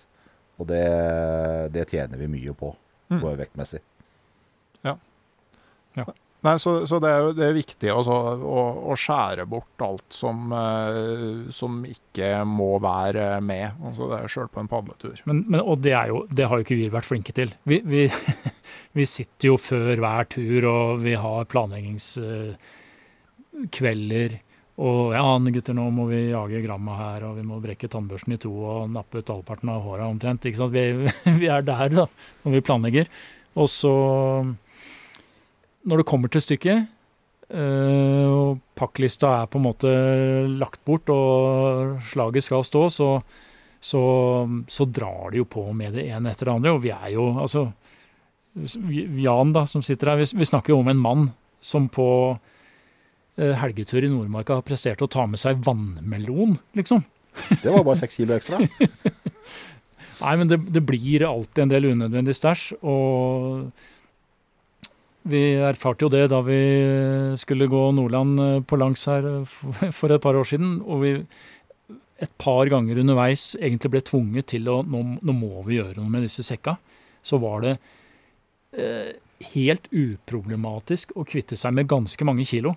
Og absolutt ingenting av det som ble lagt igjen eh, når vi kryssa disse veiene hvor det var mulig å plukke opp eh, sakene senere. Ingenting av det ble savna. Men der la vi også igjen type brukte powerbanker, brukte batterier. Mm. Men så gikk vi også på sånne ting som Du har jo en drikkeflaske. Uh, og Lars uh, hadde jo også en tom jusflaske som hun brukte til å ha vann i. Den veide nesten ingenting. Nei, det... Mens en drikkeflaske type Nalgen, som er dønn solid og fin, og på en måte for mange standarden på hva som bør være av drikkeflaske, det er blytung i forhold. Det er mm. bare tull. Trenger du den der store samekniven når du har en, eh, en multitool eller en, en liten tollekniv? Mm. Ikke sant? Nei, det er åpenbart ikke. Det, og det, det var litt sånn eh, Jeg har jo snakka litt med både folk som driver litt sånn lettvektstilnærming, og så Gry Folge, som utrolig imponerende dame. Som, ja, jeg hørte episoden, og helt fantastisk å høre. Ja, og hadde jo vært ferdig med Nordland på langs før uh, dere var ferdig med morgenkaffen den første dagen, omtrent. Det, altså de dags... De, de, altså, ja, nei, det, det, er, det er helt, uh, helt, umenneskelig det hun driver med. Og. Men hun, hun, har jo da en helt annen tilnærming til Der, der er på en måte forflytningen målet, i større grad enn for oss hvor vi skal ha det komfortabelt og er storfornøyd hvis vi gjør 15 km på en dag. Ja, og Samtidig så er det jo ikke så komfortabelt å gå med de 30 kiloene på ryggen. Da. På det, det, kommer an på hvordan du skrur hodet ditt igjen. ja, jo for så vidt så gjør det jo også, også, og, og, litt, selvfølgelig litt rann, eh, Sånn sett så er jeg vel relativt heldig genetisk. Jeg bryr meg ikke sånn voldsomt om vekta. Mm. Jeg uh, kjenner en viss sånn glede i egentlig å gå med litt tung sekk. For jeg vet at det betaler seg i kveld, når jeg da er god og sliten, setter meg ned ved bålet og rett og slett bare nyter livet og kjenner at kroppen restituerer. Ja, jeg syns jo det er litt kult å faktisk uh, ha lyst til å fiske, f.eks. Når jeg kommer fram, ikke bare ligge som en sacosekk foran uh, bålet. Ja, men vi får til det jo. Ja, ja, men, men ikke sant? Vi, vi har, det er Bortsett fra 2010 og kanskje delvis Ungava, hvor vi har veldig mange timer i døgnet med forflytning, som da stort sett skjer på vann. Nå har vi jo prøvd eh, å gå en del også etter hvert. Og det er klart det, går en grense der på, i hvert fall for, for meg. Jeg er 90 høy, jeg veier 30, nei, 80 kilo. Um, er i grei form, men jeg har jo ikke den derre brutale styrken som disse her eh, turkompisene har. Uh, 30 kilo, helt uproblematisk. 35, da begynner det å bli tungt og 40 kilo, som vi holdt på med i, i eh, et år, det, det, det, er bare tullete. Da blir det ikke moro. Men vi, da går vi heller ikke så innmari mange timer om dagen. Mm. Og det er som du sier, det handler om å komme fram, kunne fiske. Uh, og uh, Gry hun hadde jo voldsomt lange arbeidsdager mm. i forhold til det vi vi eh, har sekundert oss etter. Ja. Og vi la jo opp til dagsetapper sånn i begynnelsen av turen, når du er i på en måte dårligst form og ikke har gått deg skikkelig inn. Da gikk jo hun fortsatt veldig mye lenger enn det vi gjør eh, på det meste. Mm. Men det er klart, altså sånn, eh, nå driver dere med forskjellige ting. altså Sånn som eh, Continental Divide Trail på 5000 km som hun gikk. altså Det hadde jo ikke gått på den måten som dere går på tur. Da skal du god tid. Ja, altså, du, du, blir jo stoppa av vinteren og eh, liksom du, du, får rett og slett ikke gjennomført det. Nei, og Men, hun hørte jo at hun planla å gå Norge på langs. Mm. Og vi har jo møtt mange som har gjort det, og eh, gått eh, noen titalls mil av ruta også. Og har jo sett hva i hvert fall de vi har møtt, har båret med seg. Uh, det har vært sekker på kanskje 25. Det uh, skal bli interessant å se hvordan hun gjør det.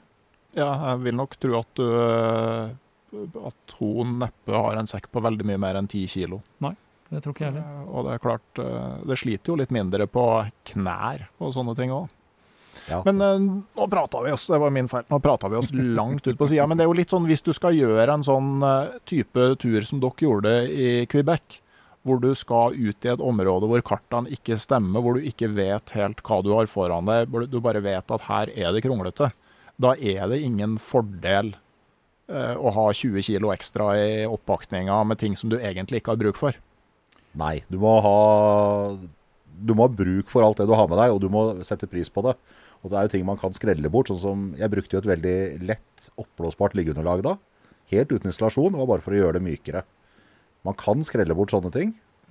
Men jeg koser meg mer med heller ta et par kilo ekstra og bære, og kunne ha den komforten når jeg er i leiren.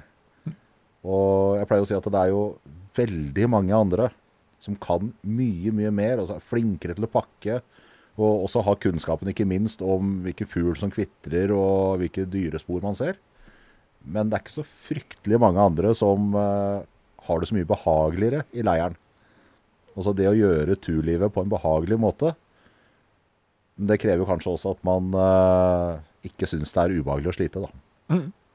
Det er jo en fordel. Men uh, jeg tenker for dere uh, Det å velge hvem man skal reise sammen med, det er jo en anelse viktig. Det er superviktig. Hva, hva, hva var det som gjorde at du tenkte at Mattis kan jeg dra en måned på tur med? For det første så hadde vi hatt flere turer med han andre broren min, Mattis og jeg. Og funnet ut at eh, Mattis er jo en topp fyr. Altså, han har én sykdom. Han er kronisk positiv. Han klarer jo ikke å se negativt på noe som kommer hans vei. Og sånne folk er jo bare helt herlig å ha med seg. Og når du da får gjort noen turer som varer litt lenger enn ti dager, sånn at du vet at du fungerer i det lange løp også, fordi det er et eller annet som skjer med hodet etter en 10-11 dager. Så at hvis du skal på langtur med noen, så må du ha i hvert fall én eller to turer som helst varer 14 dager, for å se hvordan de fungerer. Og vi har jo vært sultne, kalde, altså blåfrosne og gjennomblaute. Og likevel så vi har nå over 120 døgn i felt sammen. Det har ikke kommet én negativ kommentar. Og da, da har man gjort noe riktig. Altså, vi er veldig bevisste på det. at uh, Har du ikke noe positivt å si, hold kjeft. Er det noe du må ta opp, ta det etter at dere har spist middagen.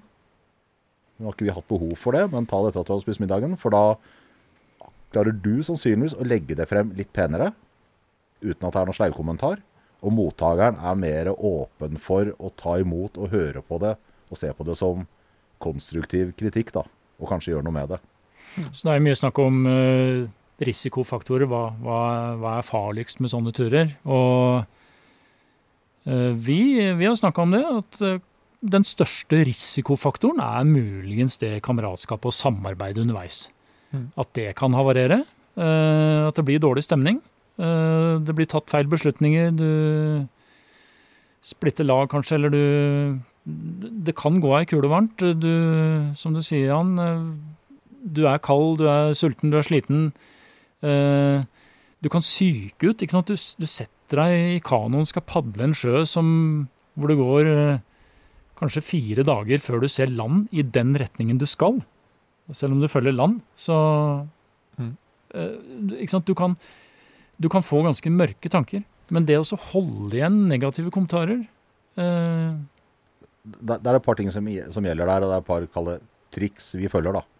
Og Det ene er jo at uh, den som har ansvaret for orienteringa, hvis man bommer litt, og du har gått en kilometer eller to, eller altså gått litt ekstra, det spiller ikke noen rolle. Alle gjør sånne feil, og det, det er greit. Du, så du kan ikke bli sur på den andre pga. det. Og så er det det at uh, når vi kommer fram, så har vi alle sammen en rutine. Altså vi, er, vi vet hva som skal til, og så lenge ingen er late, så kommer leiren opp. Og så teltene kommer opp, tarpen kommer opp, bålet tennes, vannet hentes.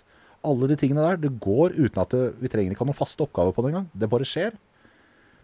Og det viktigste i, eh, etter mitt hode, da, det er jo det at vi ligger i hvert vårt enmannstelt.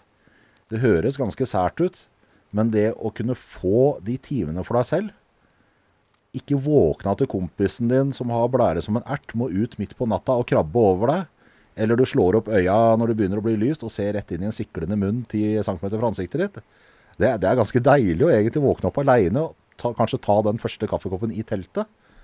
Og så komme seg ut og fyre bålet, eller komme sånn som jeg ofte gjør, til ferdig fyrt bål fordi Mattis allerede er ute. Det, det er veldig behagelig. Og da, da, har man også vært på en måte litt fra hverandre. Ja, kan... Samtidig som vi har det sosiale under tarpen. Du har kanskje vært tolv timer fra hverandre. Mm. Du trekker gjerne inn uh, ja, Lars han er jo gjerne førstemann i teltet om kvelden. Han blir tidlig trøtt. Og sistemann ut og sistemann ut, mens vi sitter kanskje og fyrer de siste kubbene og trekker inn i teltet. Men allikevel, det, det, går, det går veldig mange timer til du ser hverandre igjen, og da er det litt eh, OK. Mm. Jeg får ta litt tak i det. Jeg vet jo at Det er jo mange som drar eh, f.eks. tre kanoer sammen, seks mann. og da har jeg hørt at eh, en del bevisst roterer på hvem du padler sammen med, og hvem du ligger i telt med. Sånn at du ikke skal lage noen sånne klikker med folk som da baksnakker hverandre. Altså, øh, ja, og, og, jeg er med på den rotere hvem du eh, padler sammen med. Mm. Det skal ikke være nødvendig å rotere hvem du sover i telt med, for du skal ikke sove i telt med noen andre. Mm. Nei, det, det, det, kan for så vidt være greit, uh, sikkert, selv om ikke det har vært, eller er tema for oss. Men øh, det, han skal nok også tenke seg ganske godt om før han reiser på tur ei såpass stor gruppe. Ja. Eh, men jeg tenker også, altså sånn, eh, jeg ser jo helt klart fordelene med å ligge i hvert sitt enmannstelt, men så har du altså eh, Jeg går ut fra at dere liksom kjenner spenninga sitre når bussflyet forsvinner, og det er 400 km til folk. I høyeste grad. Men man skal òg være oppmerksom på at for noen så kan det der bli såpass intenst at det faktisk er litt skummelt. Altså, det er ikke alle som reagerer likt Nei. på det der. Og uh, at noen kanskje måtte, trenger litt ekstra støtte, og at det blir veldig svært da, når du vet at du klarer ikke å bare se til neste lunsj og til neste middag. Du ser liksom 40 dager fram til du skal ha kommet et sted 100 mil unna der du er nå, og at det, det der blir rett og slett skummelt. Da regner jeg med at dere har vært på tur i forkant og prøvd litt. i Rana. Mm. Og så går det an, selv om du har vært i, vært i telt, å faktisk slå dem opp ganske nærme. Ja, men, men jeg tenker også at uh, altså for noen så tror jeg rett og slett det er en trygghet å, å, å, å bo sammen. Bo ja, i samme telt. Det, ikke, ikke, minst med tanke på dette med bjørn, da, som vi snakka om i stad. Ja. Uh, og, og det, det, er jo liksom uh, altså, dere, Det tror jeg er litt sånn viktig. altså Dere har funnet en måte som funker for dere. Også, eh, både på det ene og på det andre. Og så er det ikke sånn at alle verken skal kopiere det jeg har gjort, eller det dere har gjort. For du må ta en prat og finne ut altså, hvordan ønsker vi å gjøre det her. Uh, Helt klart. Mm. Det verste Mattis vet, er når jeg sier nei, nei, må gjøre som oss. Vi har fasiten. men, men, hvordan blir det? altså, jeg tenker I de fleste grupper uh, som stikker på sånne turer, så er det jo normalt at det er en viss ulikhet i erfaringsnivå. Og det må man jo ha lov til å si at det er jo tilfellet i gruppa deres òg. Ja, ja, ja. Det er ikke noe å lure på. så altså når man har en eh, diskusjon, da eh, Så er det doktor, og så er det han som kom på andreplass i kåring av århundrets villmarking i villmarksliv, kun slått av Helge Ingstad, men foran både Nansen og Amundsen. Altså, hvor, hvor, lett er det da å nå fram sine egne syn på at nå tror jeg kanskje vi skal gjøre det her på en litt annen måte? Altså, når det gjelder Lars, da, så er han en sånn type som eh, han, han, er veldig klar over at han er dyktig, og han, og han, er faktisk veldig dyktig. Han er kanskje dyktigere enn det han eh, på en måte fremstilles som på TV. Altså han, han, er så sterk, han er så kunnskapsrik. Han, kan alltid gå ei mil til, og det er Jan og jeg, som faktisk er i brukbar form og ganske sterke, blir slitne og er, eh, er helt i kjelleren. Så så er, det, så er det han som holder det gående. Eh, når det er nødvendig. Eh, han er noen år eldre enn oss, men han, han, han, han, bruker aldri skal vi si, den overlegenheten til å hovere. Eller, altså han, har ett fokus, og vi har vært på mye turer sammen. Det, det, er at de han er på tur med, skal ha det bra. Ja, det er bra. Og, og han spiller de rundt seg gode. Han er veldig opptatt av det. Og husker, ja, tilbake til 2010, da. Vi hadde padla mye kano, Jan og jeg, men vi hadde minimalt erfaring med padling på tøff elv. Mm. Og det fikk vi testa der. Og i første par ukene der, ikke sant, du kommer til Du, kommer, du hører det buldrer, du kommer til stryket. Du går på land for å svømmefare. Skal du padle, skal du line, skal du bære, skal du gi opp? Hva skal du gjøre? Han lot oss finne løsningen. Og var eh, Han visste Det tok mye lengre tid. Men vi valgte løsning, vi gjennomførte, lærte masse. Og etter et par uker så var vi, så var vi liksom i marsjhøyde. Og, og gjorde omtrent de samme vurderingene som han, selv om han Altså, vi, vi det jo til med gjennom mellomrom allikevel. Det hendte jo et par ganger at vi dro på tvers av en stein og blei sittende fast og måtte jobbe litt for å få oss løs. Og han ble ikke noe stressa eller sint og sånt. Han bare padla ned til der hvor den delen elva slutta, og var en kulp, og så fram med fiskestanga. Mm. Lugn og rolig. Mm.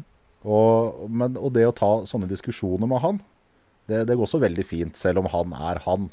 Han er ikke noe sånn at eh, jeg har rett. Han hører litt hva har du lyst til, hva vil jeg, hvordan tenker vi dette her sammen. Og, og så har det egentlig aldri vært noe uenighet, fordi hvis han sier et eller annet, vi bør gjøre det sånn fordi sånn og sånn, så er det som regel hold i det.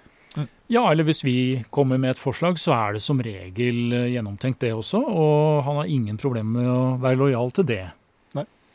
Men jeg tenker jo sånn for eh, andre grupper òg, altså, og spesielt hvis man er, eller jo flere man er, jo viktigere er det jo å være omforent om hvordan man skal ta beslutninger. Altså F.eks. sånn padle, line eller bære. Mm. Og jeg tenker at det er en, en godt prinsipp at ingen skal måte, pushes til å bli med på noe de ikke har lyst til. Nei, det, og det er helt riktig. Man mm. skal på en måte ta hensyn til den minst erfarne i gruppa. Og så kan det være at det er noen grenser som kanskje blir flytta underveis, at man får erfaring og ting går bedre og bedre. Men uh, tenker alltid sikkerhet. Mm. Gå aldri på akkord med sikkerheten. Nei, og, og det er jo spesielt viktig i såpass grisgrendte strøk eh, som det der. Du kan muligens ikke bli henta ut eh, med helikopter en gang, ikke sant? for kanskje det er for langt ut i bushen, eller det er for dårlig vær, eller det er ikke forhold der. Så det å ta ned risikoelementet, unngå overskriftene på en måte, det er et stort poeng. Du, du har faktisk ikke det, det er ikke noe gunstig å brekke et bein uti der. Nei, det er definitivt ikke det. Jeg tenker sånn, Vi kan ta litt om det der med sikkerhet. Altså, for En ting er jo det, det der, som du snakker på nå, med å være proaktiv. altså Prøve å tenke gjennom ting på forhånd. Eh, finne ut liksom, hva er de virkelig store risikofaktorene. Jeg tenker jo, altså Det å miste utstyret Mm. altså Jeg har jo gjennomført de lengre padleturene mine enten helt alene eller sammen med én person til. Så vi har vært én kano. Og det å få en velt og se alt utstyr forsvinne rundt neste sving, det er sånn omtrent det verste som kan skje, bortsett fra å drukne umiddelbart. Da. Det, Du har ikke vurdert å stroppe fast utstyret med stropper? jo, jo, men hvis du, hvis du ramler ut av kanoen, så, og liksom, hvis du velter og ramler ut av kanoen, og kano og utstyr, du kommer på land, og så ser bare kanoen fortsette padleturen alene. Mm. Men uh, løsninga for vår del der er jo faktisk å feste en, at en av oss har nødpeilesenderen på kroppen. I stedet for at den ligger i bunnen av en ryggsekk, så ligger den i en vanntett pakkpose på ei rumpetaske som er festa på, eh, på redningsvesten. Hmm. Ja, det er jo faktisk et veldig godt poeng. Ja, ja for det er altså satellittelefon og nødpeilesender som ligger i ryggsekken, som ligger i kanoen, som eh, er på full vei nedover, det, det hjelper ingenting. Nei, det er ikke det. Eh, Har, hva har dere med av sånn kommunikasjon? Eh, Vi har, eh, vi har med en satellittelefon. Mm. Godt pakka ned i sekken i en pellicase. Mm.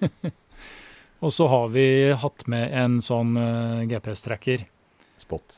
En eh, spot. Uh, Den har jo også som jo har nødknapp. Nødknapp, ja, sjekk, sjekk dekningskartet på sånne Spotten bruker vel Global Star-nettet, som ikke er det beste i, helt i nord. Som vi også har erfart. Ja. Så den er- blir nok ikke med på neste tur. Nei, der er jo Garmin eh, sin eh, bedre, for den bruker Iridium-nettet. Sånn at eh, Men det med nødpeilesender har jo blitt veldig mye greiere. Jeg husker jeg drev og leide fra Danmark på de første turene. Mm. Det var en sånn eh, ekspedisjonsguru der som hadde nødpeilesendere til, til utleie. Jeg endte med å kjøpe en sjøl mm.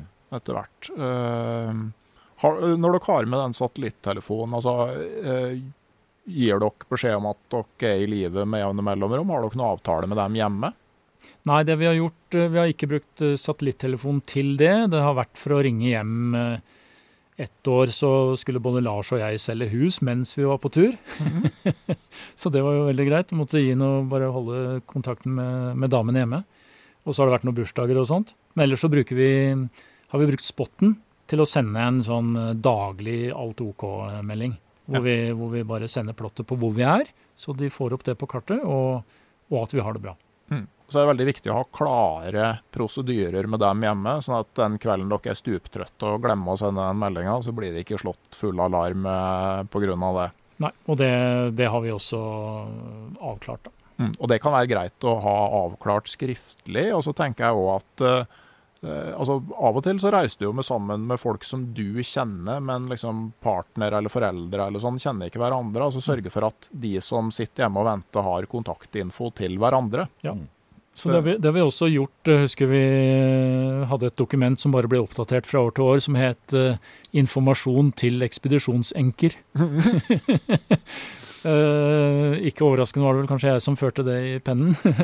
Men uh, der, der var det for at uh, damene våre i det tilfellet her skulle ha Nå kjenner jo de hverandre godt i utgangspunktet, men at de fikk den samme informasjonen. og hva som var de skal vi si, overordna rammene.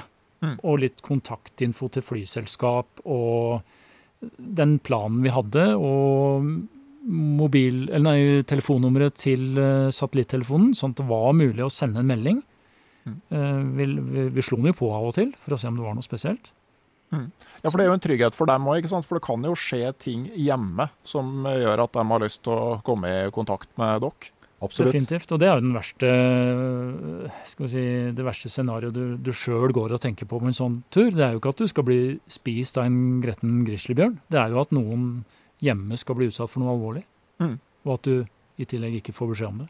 Ja. Jeg må jo innrømme at uh, altså, altså de, de langturene er jo sånn som jeg har satt veldig pris på, fordi at du er så utrolig til stede i øyeblikket der, som du, som du sier, Jan. Altså den derre tidspunktet rundt ti dager. Mm. Det er litt morsomt. Jeg drev med en, jeg skal skrive en artikkel om Gry Folge til A-magasinet, som har kommet på trykk når det her ble sendt. Da. Men der snakka jeg med en pilegrimsprest som uh, jobba i Oslo med den pilegrimsleden til Nidaros. Mm. Og der snakker de om at ca. etter ei og ei halv uke så kommer den indre vandringa i gang. Da Mm. begynner hodet å, eh, å skjønne at det er på langtur. At du har tid til å tenke tankerekker til ende og, eh, og eh, sånne ting. da. Og, og det er jo stor terapi eh, for mange. Altså, nevne altså, Den 2010-turen vi hadde. Da hadde jeg eh, det relativt eh, turbulent på privaten før jeg dro. og Jeg tenkte har jeg egentlig mulighet til å være med på den turen her? Det er så mye som skjer nå. Jeg må ta tak i dette her, jeg må håndtere det. Og jeg må få rydda opp i alt dette tullet her. Men når turen var over, så var jeg ferdig tenkt. Mm. Jeg kom tilbake med en eh, klar, definert plan i hodet mitt. Sånn og sånn håndterer jeg det, sånn og sånn gjør jeg det. Og ting var bra. Og det eh, sporer litt av, men sånn er det daglig òg. Altså, på jobben og sånn, altså med min jobb, det er ofte å skrive ting. Altså Hvis jeg står fast altså, øh, Så er det lett å tenke at nei, jeg har ikke tid til å ta den løpeturen i marka i dag, for jeg må få løst det her. Men det er jo stikk motsatt. Det er jo når du tar deg tid til den sykkelturen eller den løpeturen i marka, at du kommer tilbake og veit glassklart hvordan du skal løse det der du har øh, stått fast på. Men bare for å fullføre det jeg begynte på, for jeg prata meg bort her, da. Eh, Det må være så intenst til stede i øyeblikket. Altså Det jeg tenker, er jo at jeg kanskje aldri kommer helt tilbake til dit, rett og slett fordi at jeg gjorde det her de første gangene.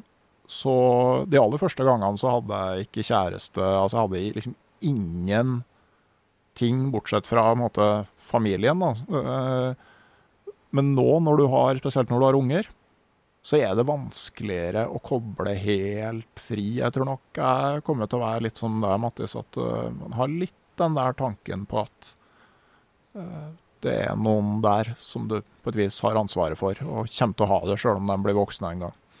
Ja, så kanskje turene framover preges av litt eh, større grad av kompromisser, ikke sant. Du må ikke fly 40 mil ut og ikke ane ruta hjem. Kanskje, eh, kanskje du oppsøker områder eh, Ja, nå de siste par langturene vi har vært på, har jo vært i Norge, hvor du jo eh, har dekning faktisk veldig mange steder. Hvor det, men det blir, det blir litt sånn eh, malurt i begeret, ikke sant. Det blir ikke Du er ikke like mye i den der bobla vi snakker om, da.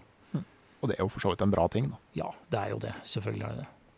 Ja, det, jeg tenker på, så, ja, Når du har dekning og når du er i Norge, så er det jo, det er jo ikke nødvendigvis en bra ting. Altså det, det, det kan være ødeleggende for en tur hvis man blir for opptatt av telefonen. Ja, altså, det er jo noe med det. Det, det er derfor jeg liker eh, type 30-dagersturer. Mm. Det å ha 30 dager i strekk, helst uten dekning, det, det gjør noe med deg. Du kommer tilbake. Du er, du er så lada, du er så fokusert, du er så klar. Enn hvis du på en måte, sånn som Vi har hatt en tur til Finnmark nå for halvannen måned siden, hvor vi eh, var innom sivilisasjonen med jevne mellomrom. Du får ikke samme følelsen. Nei, Nei, du får opplevd mye flott natur, men du, du er ikke Det er ikke den derre månen i Canada. Og, og en refleksjon der er jo at eh, etter å, etter å Du kommer tilbake da, ikke sant, og du har, du har vært en måned på, i villmarka og kanskje vært borte i fem uker. Du kommer tilbake, du kommer til Gardermoen, skjeggete, mager. Eh, Du har vært på en annen eh, planet, altså. Du har, du har vært helt, eh, helt avsondra fra denne verden. Og du kommer tilbake, og det er jo stor gjensynsglede og, og alt det der. Og du kommer hjem. Og så har gresset blitt litt lenger. Naboen har ikke fått med seg at du var borte. Det har ikke skjedd en puck. Nei. Egentlig. Nei, det, det er jo, og du kan være borte altså sånn Jeg har på det lengste vært borte et halvt år. Mm. Og det, det er lite som skjer på et halvår. Men, men jeg tror også for et uh, samliv, så tror jeg det er sunt at man er borte fra hverandre litt. Så mange kan jo se på det som veldig egoistisk at man drar på disse turene her. Og ja, på en måte kan jeg skjønne det. Men samtidig den gjensynsgleden det er når du kommer hjem igjen, den er jo kjempestor. Og det at man også får eh, Man får til en viss grad testa forholdet, da. Og også en måned, det bør det jo være rom for i mitt hode, da. På at man kan gjøre litt sånne ting. Ja, altså med de mellomrommene som altså for deres Hvert femte år, f.eks., som var Ja. planen. Det ble jo litt tettere enn det etter hvert, men eh, det, det var jo planen. Og nå er det jo sannsynligvis ganske lenge til vi tar neste månedstur over dammen. Nei, men sånn, eh, altså sånn som, eh, med Mattis, da, som er flink til å planlegge og hjelpe til med den biten der òg, ikke sant. Så, eh, så jeg òg tenker det. Men tilbake til det der med sikkerhet. For som du sier, så er det ikke alltid du kan flys ut med en gang du blir skada eller sjuk. Altså, hva har dere med av medisinsk utstyr? Hva er dere forberedt på å håndtere sjøl? Vi, vi, vi har en veldig lite akademisk tilnærming til dette her, og er antageligvis eh, blant de dårligste til å planlegge sånne ting. Vi har med oss basic førstehjelpsutstyr. Ett år hadde jeg med en uh, bredspektra antibiotikakur som jeg hadde fått uh, svindla til meg hos eh, fastlegen. Eh, den kom Jan til gode fordi han fikk et betent eh, gnagsår. Eh, så det bremsa den utviklingen. Stort sett så er det smertestillende piller. Som eh, noen av den eldre garden som Lars og Mattis er, trenger.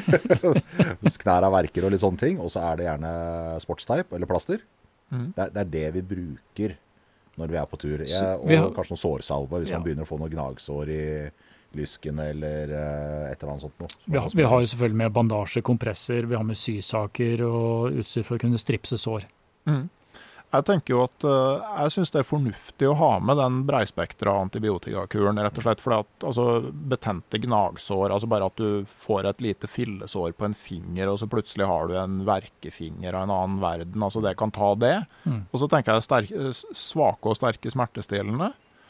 Og så Jeg tenker òg at betennelsesdempende, eh, nettopp fordi at det begynner å gjøre vondt her og der kan være en, eh, en grei ting å ha med seg. At, eh, at da er du dekka for veldig mye. Da er Da jeg begynte å planlegge eh, langturene her, da, da var jeg på universitetet i Trondheim. og Da var det en fyr som satt på kontoret ved sida av meg.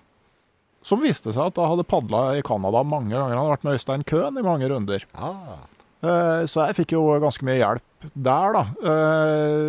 Men han fikk Jeg har aldri hatt noen skader på padleturer, men han var på squashtrening en gang og hadde, fikk gnagsår. Og to dager etterpå så var, gikk ikke foten hans ned i skoen, og den eh, var, en, var på vei til full blodforgiftning. Og det sier jo noe om sånn Altså hvis du da er midt ute på tundraen og ikke har noe å hjelpe deg med, så eh, kan det bli ille. Definitivt. Og jeg har vært ute for akkurat, akkurat det samme. Ble stempla på stortåa under en innefotballkamp en vinter. Og, og så gikk det et par dager, det ble betent. Så kom feberen. Mm. Og eh, skikkelige greier, altså. Og noen dager etter det igjen så begynte den blå streken, den som du egentlig bare har eh, lest om, den begynte å bevege seg ganske raskt oppover langs leggen. Og når den passerte kneet, så dro jeg til legen og fikk jo grov kjeft for at jeg ikke var kommet før. Og det er jo, dette er jo sånn folk daua i gamle dager. Farfaren min var jo eh, på selfangst i Vestisen. Og det du var redd for der, var jo spekkfinger, eh, som de kalte det. Jeg tror det var liksom når de sto og flådde sel, at det var lett å få små kutt på fingrene som lett ble infisert, og som ble en ordentlig verkefinger. Og det, det her var jo før antibiotikans tid, på 30-tallet.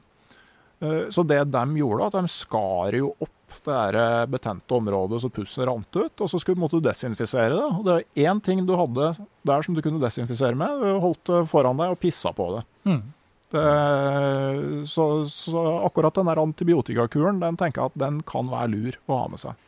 Ja, det, det, det var jo det der som eh, felte meg da vi skulle gå Nordland på langs. Eh, tullete gnagsår, eh, men som ikke ble åpna. Eh, altså, verk må ut. Men vi er jo karer, så vi lar oss jo ikke stoppe noe sånt. Så vi teiper bare mer sportsteip utapå og håper det går over. Mm. Og så gjør det ikke det. Og til slutt så Siste par dagene på den der nordlandsturen, før jeg kasta inn håndkleet, så, så hadde jeg skikkelig febertokter om natta, og det begynte å hovne opp i lymfene i lysken. Og da, da vet du, når du da har hatt blodforgiftning før, så vet du hva som er i ferd med å skje.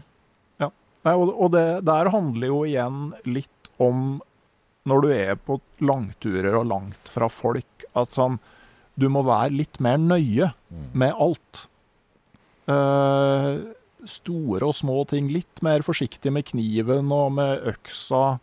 Uh, altså fortøye kanoen godt om kvelden. Altså de her tordenstormene som kommer på tundraen, det er jo helt vilt. Altså En kano kan jo bli kasta metervis bortover hvis du ikke har gjort den ordentlig fast. Det er en del av fast rutinen vi har. Vi bærer jo alt, alt av sjøutstyr opp på land og inn i leiren. Mm. Og så stropper vi det fast i tillegg mm. i vegetasjonen. Mm. Alltid.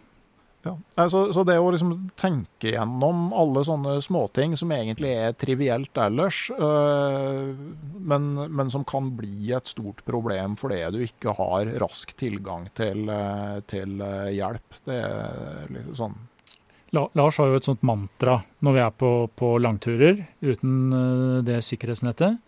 Vi må unngå VG-overskriftene. mm. Ja. Eh, og husker vi hadde, jo, vi hadde jo en episode i 2010, helt på slutten av uh, Tichigami River.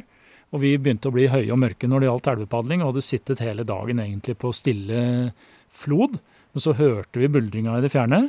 Vi lå først, Lars lå litt bak oss og skulle fiske på strømnakken. Og vi strekker hals, og vi ser at det er et digert stryk foran oss. Og vi snakker om ei elv på størrelse med, med, med Glomma ved Sarpsborg, ikke sant. Og, og vi ser vannspeilet der nede og tenker at dette er piece of cake, og dette kan vi. Og dundra utfor. Og hadde jo da tatt en altfor uh, forhasta beslutning. Og måkte jo i noe diger stein. og ble løft, Vi var jo tungt lasta. Ble løfta opp på en sånn svær stein som lå akkurat eh, i vannskorpa. Og det var frådende vannmasser på alle kanter. Og djuprenna gikk til høyre for oss. Det var liksom helt umulig å komme inn til land den veien. Og til venstre var det vel eh, veldig stri strøm, og nedover var det bare sånne forræderske spisse steiner, og vi hadde garantert blitt knust. Og der sto vi Midt i elva. og klødde oss. Jeg satt foran, hoppa uti, hadde vann til livet i hvert fall. Og liksom, det handla bare om å klamre seg fast. Og hva gjør vi? ikke sant? Og Lars hadde jo for lengst gått på innsiden av oss, helt på motsatt side, bredde da. Og han lå jo nede i kulpen nedafor og fiska og lo seg i skakk antageligvis. Og kunne uansett ikke gjøre noe. Det var ingen måte han kunne unnsette oss på. Så hva gjør du? Da dro vi oss opp på steinen, og så hadde vi møte. Jeg tror vi brukte 20 minutter i hvert fall før vi kom oss videre. Ja, og Og da- for, tenk for at, Det er så fort gjort å finne på noe lurt i en sånn situasjon. Men så har du egentlig mye bedre tid enn du tror. Kom oss jo ikke løs av den steinen uansett hvor mye vi rusha det. Nei. Og så fant vi løsningen. Liksom. Jan, som er størst og tyngst og sterkest, han må gå foran. Og så må jeg gå bak og sikre bakenden og fotfeste. Og så, og så må vi gå den kanoen ned hele stryket. Mm. Og så gjorde vi det.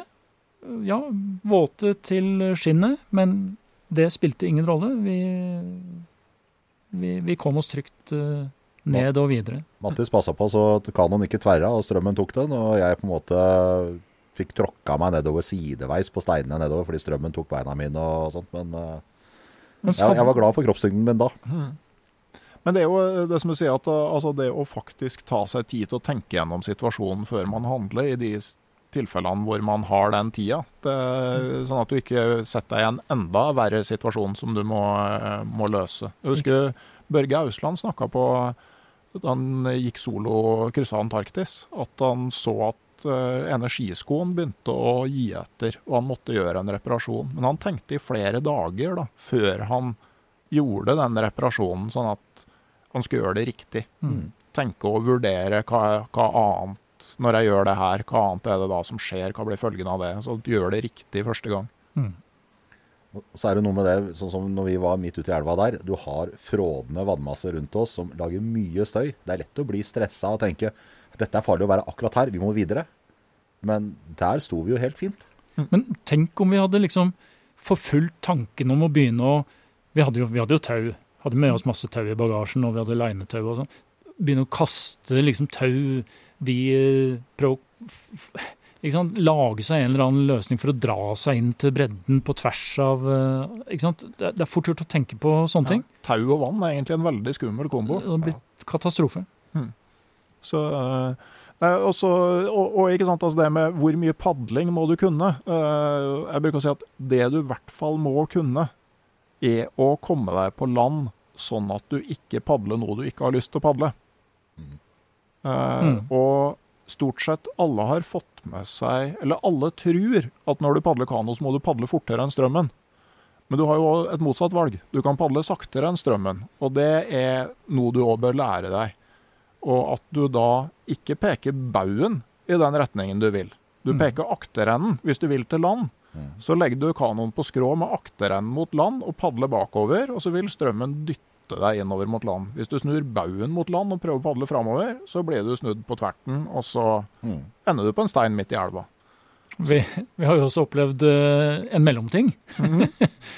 Leaf River 2015, hvor vi sitter på stri elv, og vi skal ned et bratt stryk. Ikke verre enn at vi vurderte at det er innafor. Men så var det også hard motvind.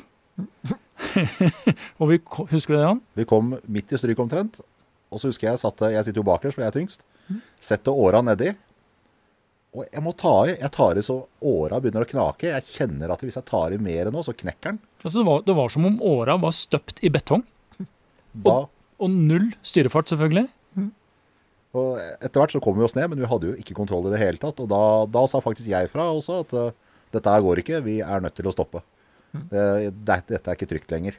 Nei. Og igjen da, Lars, som du nevnte i stad, hvordan er han? Det var eh, full respekt for det med en gang. Og inn, fyre bål, slappe av, vente til det løya. Nei, og faktisk, eh, altså Utos i sjøer i motvind, det er fryktelig skummelt. Mm.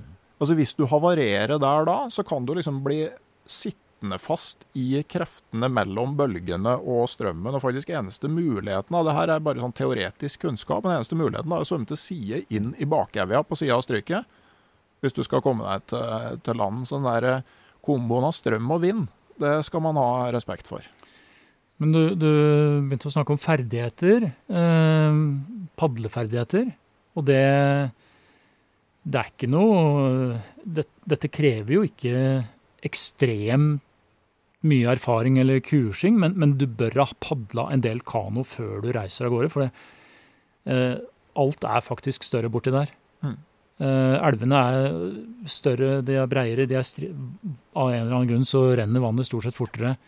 Og, og det er jo gjerne helt andre distanser enn det du får mulighet til å padle her hjemme. Mm. Så du, du må ha et aktivt forhold til eh, eh, altså te, I teorien, ikke sant? dette med viftetak og jodtak og alt sånt. Det, det er ikke nødvendig å kunne det, men, men du, må, du må ha trent en del på dette her med hvordan du gjør raske retningsendringer. Mm. Jeg tenker også det er ganske greit å kunne jobbtaket, og sånn at du kan padle rett fram uten å drive og bytte side hele tida. Det, det er et absolutt minstekrav, Ja. tenker jeg. Det, altså, du kan jo padle uten det òg, men det blir litt som å krysse Grønland på ski i passgang. Altså, det er mulig, men det, men det er liksom ikke nødvendig, for det blir så utrolig eh, mye kjipere tur. Absolutt. Også dette med å laste kanoen riktig. Sørge for at det er tyngst bakerst. Nå pleier jo det å løse seg når Mattis og jeg padler i samme kano og jeg sitter bakerst. Men uh, jeg har jo også sett hvor den tyngste personen sitter foran.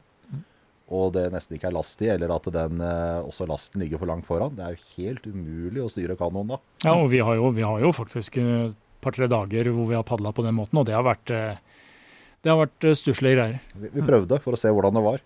Men også det motsatte, hvis du får for mye vekt bak og padler i motvind. Eh, altså, du ser sånne der bildebyråbilder med én person som sitter bakerst i kanoen, og baugen er over vann omtrent. Og du ser at det her er fotosession, det her er ikke tur. For at eh, ved første lille motvind så blir den kanoen her snudd trill rundt. og eh, Ja. Så at uh, få til den, få til den balansen, ja. Men, men igjen, altså Sjøl om du er god til å padle, så er ikke en sånn villmarkstur i Canada eller Alaska det stedet hvor du liksom skal pushe padleferdighetene dine. Altså Uansett om du er flink eller mindre flink, så skal du liksom holde deg godt innafor det du er trygg på, tenker jeg. Ja, Ja, og du, det- du skal ikke ha noen ulykker der, Nei. kort Nei. og godt. Og der kommer jo forskjellene i gruppa også, som vi snakka om her i stad. Dette med at Lars, eh, på særlig den første turen, hadde mye mer erfaring enn oss. Og selv om han valgte å padle ned et stryk, så ville det kanskje vært eh, selvmord for Jan og jeg å gjort det samme. Så, så derfor hadde han også da full respekt på, for de avgjørelsene vi tok, uansett hva det var. Mens du jobber deg inn i det. Det Men hendte jo altså han padla, og vi bar, eller vi lina. ofte. Jeg tenker også at Hvis du vil skaffe deg litt erfaring i Norge før du drar, altså kjenne på om det her er noe du håndterer Det er to turer sånn fra personlig erfaring som jeg vil anbefale. Eh, Den ene er å starte i Sulis, og så følge sjøene til du kommer ned på kildene til Piteå. Og så begynne å følge Piteå så langt innover i Sverige som du gidder. La oss håpe, ja, la oss håpe at det etter hvert blir mulig. Det, og det andre er jo eh, Karasjokka-vassdraget i Finnmark. Altså De to turene der er veldig fine sånn eh, Altså Håndterer du det, så håndterer du en eh, Canada-Alaska-tur. Og det, jeg tenker det, det er ikke noe stor forskjell.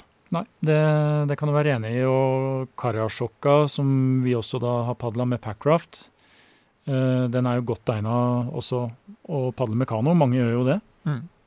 Eh, Men ikke padle ned Lailafossen. nei, men det er det som er så greit, at Lailafossen og Ulvefossen de, de er så definitive. Mm. Det er bæringer. Mm. Det er liksom ingen tvil om det. Du må bare sørge for å komme deg på land Ja. tidsnok før du skal eh, bære forbi Lailafossen. Eh, Jeg kan jo nevne at eh, på Patrion-sida til podkasten Uteliv så ligger det jo en padlebeskrivelse for Karasjokka da, med start ved Sitsjajavri fjellstue, som ligger liksom på veien fra Kautokeino og inn til Finland. Da kan du liksom eh, bære deg og padle deg via, via sjøer og småelver helt inn til Karasjokkas kilder. Og så følger Karasjokka fra det vannet med et forferdelig langt og vanskelig navn. Bujajavre? Nei, Bolsajavre. Nei, mye lenger opp. Altså helt inn ved finskegrensa, der Karasjokka begynner. Ja, jeg har vært der. Det- Det husker jeg ikke hva heter i så fall. Nei. Det er sånn rett ved sida av grensa, og så går det en liten bekk ut av det. Ja, altså Oppkommet kommer jo på finsk side, og så renner det en liten eh, bekk under gjerdet, grensegjerdet. Ok.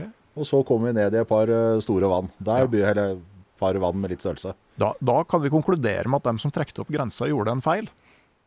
Ok? Ja, for at uh, grensa mellom Norge og Sverige, den, den ble jo enige om at den skulle gå ved vannskillet.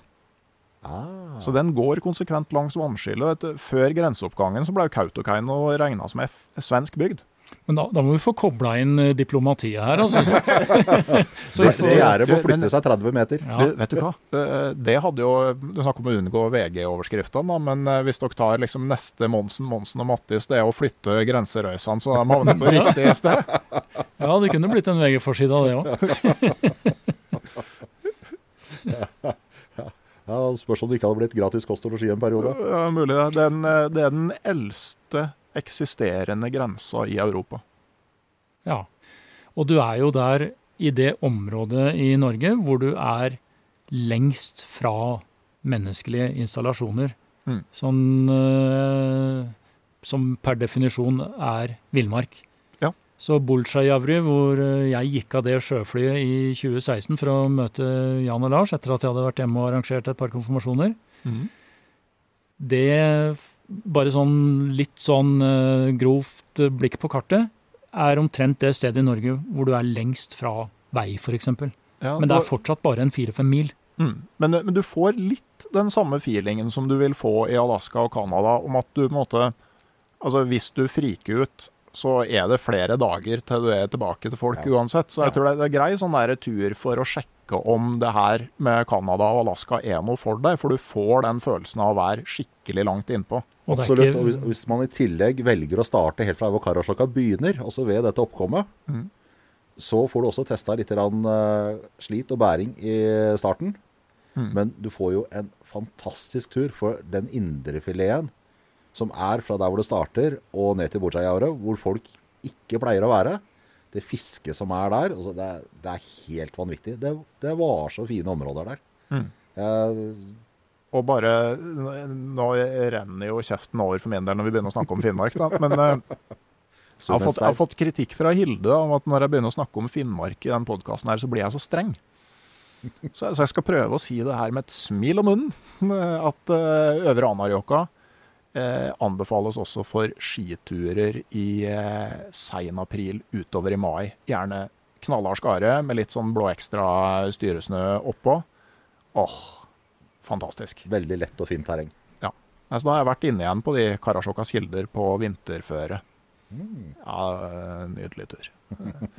Men, men i hvert fall, da. eh, Både padleguide for Karasjokka, og så skal jeg legge ut den turen eh, ned Pite Å. Vi padla til Arjeplog i Nord-Sverige. Det var mens jeg var i militæret. Så vi kjørte bil til Arjeplog.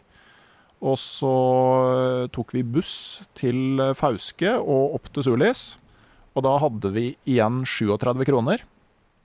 Som de sa til drosjesjåføren i Sulis, at eh, nå må du kjøre oss opp eh, så langt oppover bakken som du får til for 37 kroner. Så får vi gå videre da, til, til Jeg husker ikke hva de Låmivatn eller noe sånt, eller hva de heter dem du kommer opp til. Og, og han syntes det her var såpass kult at vi skulle padle tilbake til Arjeplog, at han, eh, han eh, kjørte oss helt fram. Ja, det var hyggelig, da. Ja, det, det, det var hyggelig. Så da hadde jo kommet nye sånn dagpenger på kontoen før vi var tilbake i Areplog, så vi hadde penger til å kjøpe, kjøpe bensin til å komme oss sørover igjen. Ja, gode tider, altså. Apropos det med at eh, det å ha tid eh, er en, til viss grad en kur mot å ha for lite penger. Hmm. Men en siste ting på det med sikkerhet, da, som veldig mange er For mange kanskje liksom det store usikkerhetsmomentet med å dra til Canada og Alaska. Det er jo store rovdyr, og i første rekke det med, med bjørn. Hva slags forholdsregler tar dere med tanke på bjørn? Vi pleier å ha med bjørnespray, som vi kjøper der. Den kan ta en historie om etterpå. Den er ganske kjip å teste på seg selv. Og så har vi gjerne med litt grovere skyts, helst da pumpehagle, som vi da har slugs. Og grunnen til at det er pumpehagle, er fordi da kan vi ha minimum fire patroner. Lett tilgjengelig. Vi har ingenting i kammeret, for vi skal ikke ha vådeskudd. Men vi har da i magasinet. Og slugs sprer seg ikke. Så sånn sett er det bedre enn vanlige haglepatroner. Og vanlige haglepatroner er det bare erter opp bjørnen. Typiske der er jo at vi har noen vanlige fugleskudd. eh, Dette har gjerne vært eh, i kombinasjon med at det også er eh, tillatt med småviltjakt. Så det har gått med noe canadagjes og sånn. Men da har du et par fugleskudd først. Sånn at eh, de første skudda som går, det er jo skremmeskudd. Eh, alternativt mot fugl.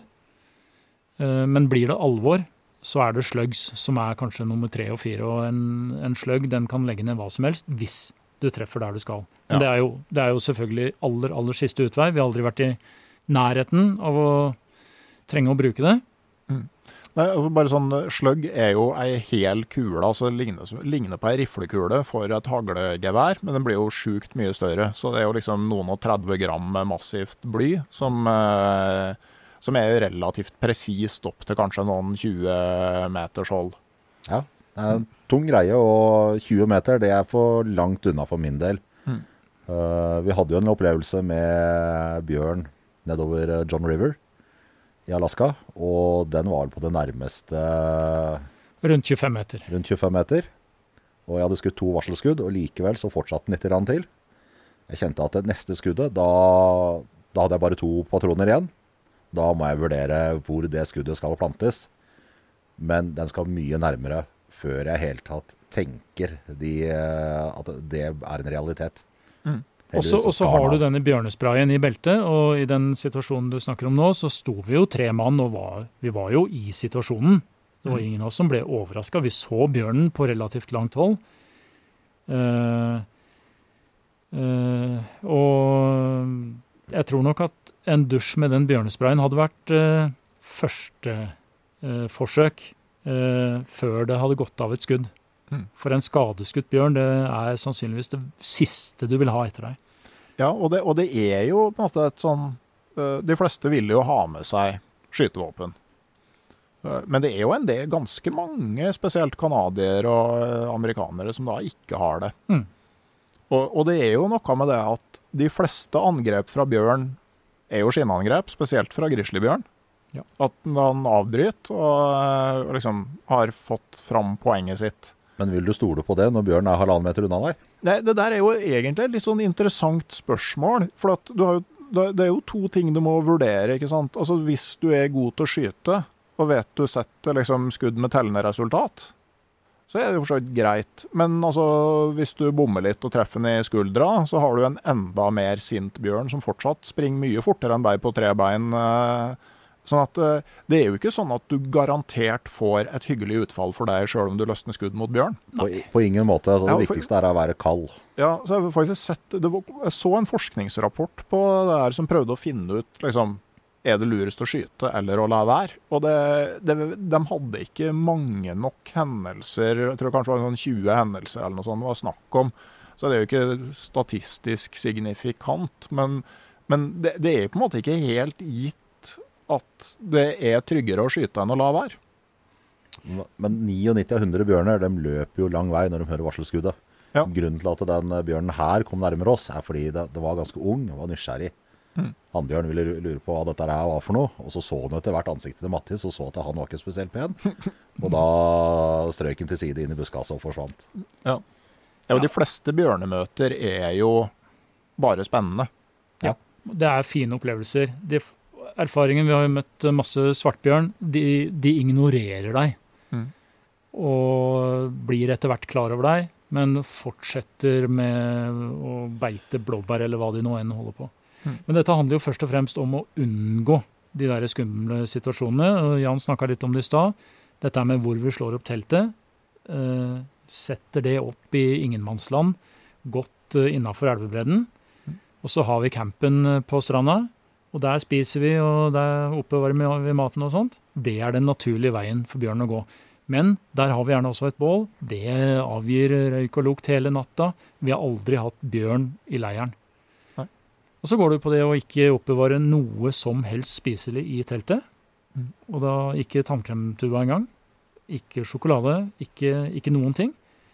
Og du unngår å tørke av fiskeslo f.eks. På, på buksa di som du legger i teltet. Altså, all, all, alt sånt blir du ganske paranoid på. Ja. Minimere risiko. Jeg Jeg har opplevd da at eh, mens jeg satt og lagde mat og sånn ved bålet, og sånn jeg kom tilbake til teltet og skulle legge meg, så var teltet revet ned. Og såpass, ja. Men Hadde du noe i teltet da? bare soveposen og underlaget. Så, eh, men, og det var jo for så vidt litt betryggende, for det var ikke revet i stykker, eller det var ikke gjort noe hærverk på det. Det var liksom øh, Men det var revet ned. Ja. Mm. Ja, nei, det har vi heldigvis ikke. Og, men vi, vi hadde jo i 2015 på Ungava så hadde vi jo en bjørn som var på vei rett mot leiren, men da satt heldigvis Lars med ansiktet vendt motsatt vei av oss og, og så at den kom og kunne bykse opp, og, og det gikk et varselskudd ganske raskt. Mm. Den, eh, den kunne nok ha Altså, der var, der var, der var det en tett eh, vegg av eh, eh, grantrær tett innpå leiren, så den kom muligens, eh, eller ble muligens overraska. Men igjen, sitte og se over ryggen til den andre Ja. hele tida. Det er et godt tips. Mm. Jeg holdt på å gå rett inn i et kratt. Det var da jeg var på en sånn fottur nord på tundraen. Det var egentlig sånn, det var varmt, da, sov litt dårlig og satte meg ned for å kule den litt. Grann. Og da begynte det å røre seg inni et sånn vierkratt sånn 100 meter foran meg, som jeg var på vei rett inn i. Og da gikk jeg med, med vinden imot øh, ved sida ei elv med et stryk, da, sånn at både lukt og lyd ble kamuflert. Ja. Og det var ei grizzlybinne med unge. Det er greit å ha litt avstand da. Ja, og det, da jeg, hun kom jo ut og reiste seg på to og smakte på lufta, ikke sant. Altså sånn, eh, og begynne å gå mot meg og tenke at eh, jeg har fått ned hagla fra Jeg har òg med pumpehagle. Og fått ned den og dratt på plass et skudd i kammeret og skutt varselskudd. Eller det vil si, den eneste gang i hele mitt liv har opplevd at et skudd har klikka. Oi. Ja, ikke sant? Og da er jo prosedyre er vel at du skal vente ti minutter eller noe sånt før du tar det skuddet ut av kamera, eh, kammeret. Eh, jeg tenkte at her, OK, jeg får bare ta sjansen på at det går av liksom, eh, på ettertid. Jeg må ha et nytt varselskudd nå med en gang. Og da stakk eh, mor og barn opp lia og forsvant. De gjør som regel det. Mm. Og, og det er kanskje det mest eh, mm, den, det, Der har du den største nytten med å ha med deg skytevåpen. Det er å få lagd det smellet Mm. Som er høyt nok til at de stikker på ganske langt hold. Det finnes jo andre sånne innretninger for det òg, men det er med jo litt på sånne signalpenner og eh, sånne ting. Men det, det er jo Ja. det med å drive og skru på sånne ting på toppen av en penn når du har litt puls og sånn. Det er jo en eh, Tar for lang tid. en, en, en eh, greie. Men, men en naturlig konsekvens av det er jo at du må ha med eh, våpen. Eh, og du må reise med våpen, og det er jo òg noe som, eh, som mange, mange lurer litt på. Ja. Der har vi eh, Nå kan jeg si at vi har fasiten med oss her. og merkelig nok så er det faktisk lettere å ha med seg våpen til Canada enn USA. Ja, det er mye enklere. Det, dette er vel litt sånn 2018-info, da. Men eh, det skal overraske meg hvis dette har endra seg vesentlig. Men Canada og Norge er på mange måter veldig like. Og det å ta med seg våpen til Canada er uproblematisk. Eh, her kan vi sikkert legge ut noen linker. Ja. Men eh, man må Det første du gjør, det er å varsle flyselskapet som du skal fly oversjøisk med. For det, de skal ha De skal vite om det. De har i teorien mulighet til å si nei. Men, men så lenge du varsler minst ei uke i, i forveien, så, er det, så har ikke vi opplevd at det er noe problem. Og så fra politiet sine hjemmesider så laster man ned et eh, skjema som eh, heter noe sånt som utfør, midlertidig utførsel av eh, våpen. Og det fyller man ut på forhånd, og når man kommer til Gardermoen eller til flyplassen, så leverer man det. Jeg husker ikke om det er hos politiet eller tollen. Tollen, men ja. du leverer. Ja. Å få stempla det, det er greit. Eh, viktig her at liksom formålet er er, er Nei, det, nå, nå surrer jeg. For at du, du, du laster også ned til et, et innførselsdokument fra, fra de canadiske myndighetene. Mm. Og der må du angi hva formålet er. Og sier du at det er eh, for jakt, så stiller du visse krav til formalia. Sier du at det er for uh, eh, beskyttelse mot villdyr, så er det noe annet. Altså, poenget er at Wildlife protection in remote areas tror jeg er en sånn ja, et eller standardformulering. annet sånn. Og da er det, da er det greit. Mm.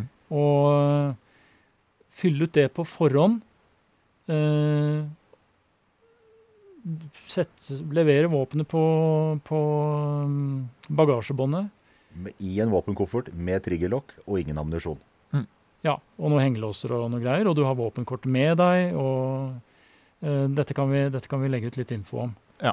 Kommer til Canada, eh, går på rødt i tollen eh, med våpenet, eh, og da er det bort til en inspektør som gjerne vil åpne våpenkofferten, og se hva dette er for noe, og alt er greit. Og så er det borti ei luke, og sist vi gjorde det, så kosta det 25 dollar, så får du en midlertidig våpentillatelse for 60 dager.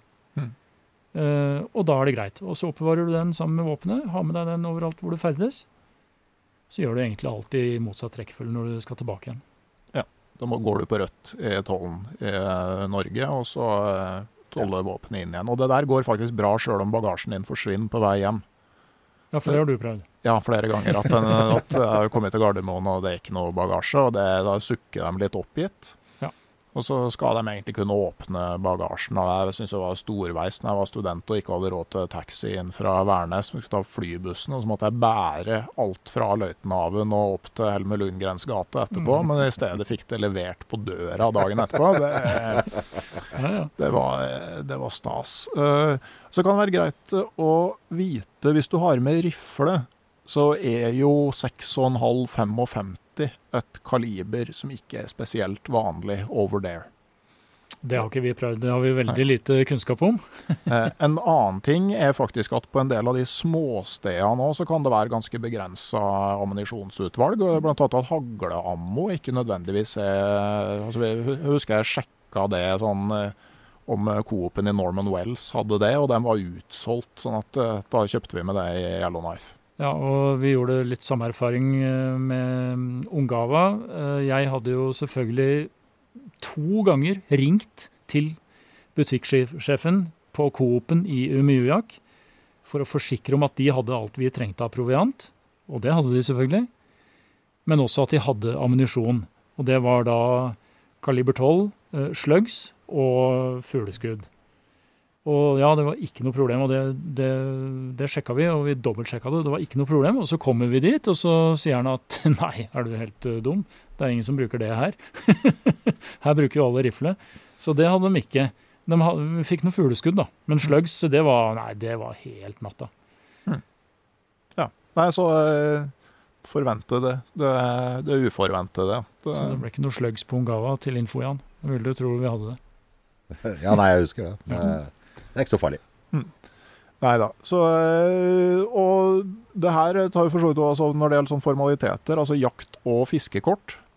Ehm, der øh, må man sjekke oppdatert informasjon, og gjerne øh, sånn som i Yellowknife så har du jo en sånn der sånn type wildlife-kontor. Men jeg ser at det har blitt en del strengere, blant annet Altså både Nunavut og Nordvestterritoriene. Nordvestterritoriene, så vidt jeg sjekka nå, så kan du kjøpe fiskekort på nett. Mm. Nunavut så må du kjøpe det rent fysisk, og der er det faktisk òg en del sånn døgnbegrensninger på fangst og sånn eh, nå. Spesielt sjørøye var tydelig okay. strengt. strengt. Så, så der eh, Hvordan det er med småviltjakta i Nunavut og Nordvestterritoriene, har jeg per nå ikke helt klart å finne ut av. Nei, eh, men eh, som du sier, du må, dette må sjekkes. Og eh, er, dette er info som er tilgjengelig via nett, og da kanskje særlig også via turistkontorene på disse stedene. Da. Eh, vi har ikke hatt noen problemer med det, og har vel opplevd at, eh, at det er omtrent som i Norge. At, eh, og vi har stort sett kjøpt sesongkort, da. enten det har vært jaktkort eller fiskekort. Omtrent samme prisnivå som i Norge, kanskje litt rimeligere. Eh, vi opplevde vel i Umiyujak på Ungava at når vi til slutt kom opp dit til et eller annet sånt eh, land office og skulle kjøpe fiskekort, så fikk vi beskjed om at vi skulle ha kjøpt fisketrygdeavgift. Og det var det helt umulig å få ordna via nett eller sånne ting derfra. Eh, Det endte med at vi fikk fikk jeg betalt noen kroner der, eller noen dollar der, og, og, og kjøpte oss ut av det og fikk et dokument. Men det, dette er bestemmelser som er lokale, og som endrer seg litt fra gang til gang. Så søk informasjon på nett. og stikk og snakk med, med liksom de offisielle instanser. Eh, når det gjelder fiskeutstyr og sånn, så eh, altså, jeg tenker sånn oppe i nordøstterritoriene, ganske stor lake trout. Altså utstyr som tåler en fisk på ti kilo, i hvert fall. Mm. Eh, sånn Heller sånn litt lett lakseutstyr enn uh, lettspinnutstyret du ville tatt med til, uh, til Børgefjell. Altså at du kan kaste sluker på 30-40 gram. Gjerne så glorete at du helst vil ha på solbriller når du ser ned i slukboksen. Ja, og vi har jo vi har jo stort sett hatt med oss stenger fra Norge, men litt i den kategorien du beskriver. Mm. Eh, gjerne hatt ei sånn lett eh, Jeg har vært eh, glad, alltid glad i å ha med ei bitte lita, enkel, rimelig teleskopstang i tillegg, som backup. Mm. Og så blir det jo da at det er den du ofte bruker, for den er så tilgjengelig. Mm. Eh, men, men sluker, sene, sånne ting, det, det kjøper vi der borte. Det er så rimelig. Og du får de der glorete, svære slukene du snakker om. Og er du på kanotur, så vil du gjerne dorge en del. Mm. Og etter den sjørøya, store, lette skjesluker, eh, som, er, som eh, lake trouten er glad i, det, det får du der. Det får du jo ikke her. Nei, altså, men du kan jo ha med sånn de store sånn type sånn laksesluker og laksespinner og sånne ting. funker jo helt fint. Ja da, Jeg husker ja da. de første turene så hadde jeg delvis med sånn der Tjøstheim glassfiberstang. Jeg husker dem som var enten hvite, hadde den som var enda eldre, som var svart. Slukvekt eh, 15-65 gram, kjøpt på Handelsforeninga i Vestre Gausdal på halv pris. Det var jo ingen som kjøpte sånt utstyr der. Nei. Men det funka jo fint, og den tåler mye juling, da. Så at du ikke plutselig står der med Ja, for de får mye juling. Ja. Eh, Lars har vel til dags dato ikke brukket ei stang, eller i hvert fall en stangtupp, på Eh, noen av de turene vi har hatt. motsatt, mener du vel? Han har alltid Han, ja, ja, ja, han har alltid, alltid brekt et eller annet. Ja, ja, ja. Det er få hver gang. juling. Og det er eh, basking og strabaser. Og han har knekt eh, ting, og vi har jo også tatt noen stangtupper, da. Mm.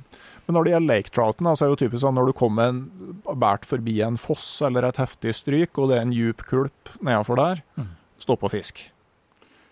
Ja, og sørg for å ha tid til å gjøre det. Og vi har altfor ofte hatt for høyt forflytningspress til at vi har kunnet gjøre det. Vi, har, vi må videre, videre, videre. Legge opp til ei rute som tillater at du faktisk kan uh, ta de kasta. Mm. Ja, for det, det er litt viktig sånn når man først er der, at man ba, ikke bare fikk sett på området, men at, ja, at du kanskje satt nye pers, da. Må få, kje- må få kjenne litt på området òg. Ja, definitivt. Eh, Så for at eh, den eh, altså, ja, den eh, lake trouten er stor. Jeg har aldri vært over 10 kilo. Jeg tror 8,2 er den største jeg har fått. Og så har jeg fått gjedde på 7,2 på fluestang. Ja, det er heftig. Så, men at liksom, vanlig størrelse er jo gjerne sånn 2-3 kilo. Det kommer du borti ganske mye av, i hvert fall på de større elvene. Ja, det er det vi for det meste har vært borti. Vi har vært liksom borti firekilosene, men, eh, men ikke noe større enn det. Eh, Den gjedda, Ja. spiste du den? Ja, den ble sånn 7,2 kilo gjedde filetert. Det er vel kveldsmat til to personer omtrent. Hvordan smakte den? Nei, helt greit. Ja, ja, for det er, et eller annet med gjedde som passerer fire kilo. Da begynner det å smake litt grums. Ja. Og Mattis klarte jo å dra på seg en gjedde på 10-12 kilo. Ja, jeg tror, var, jeg tror den kanskje var mye tyngre enn det. da.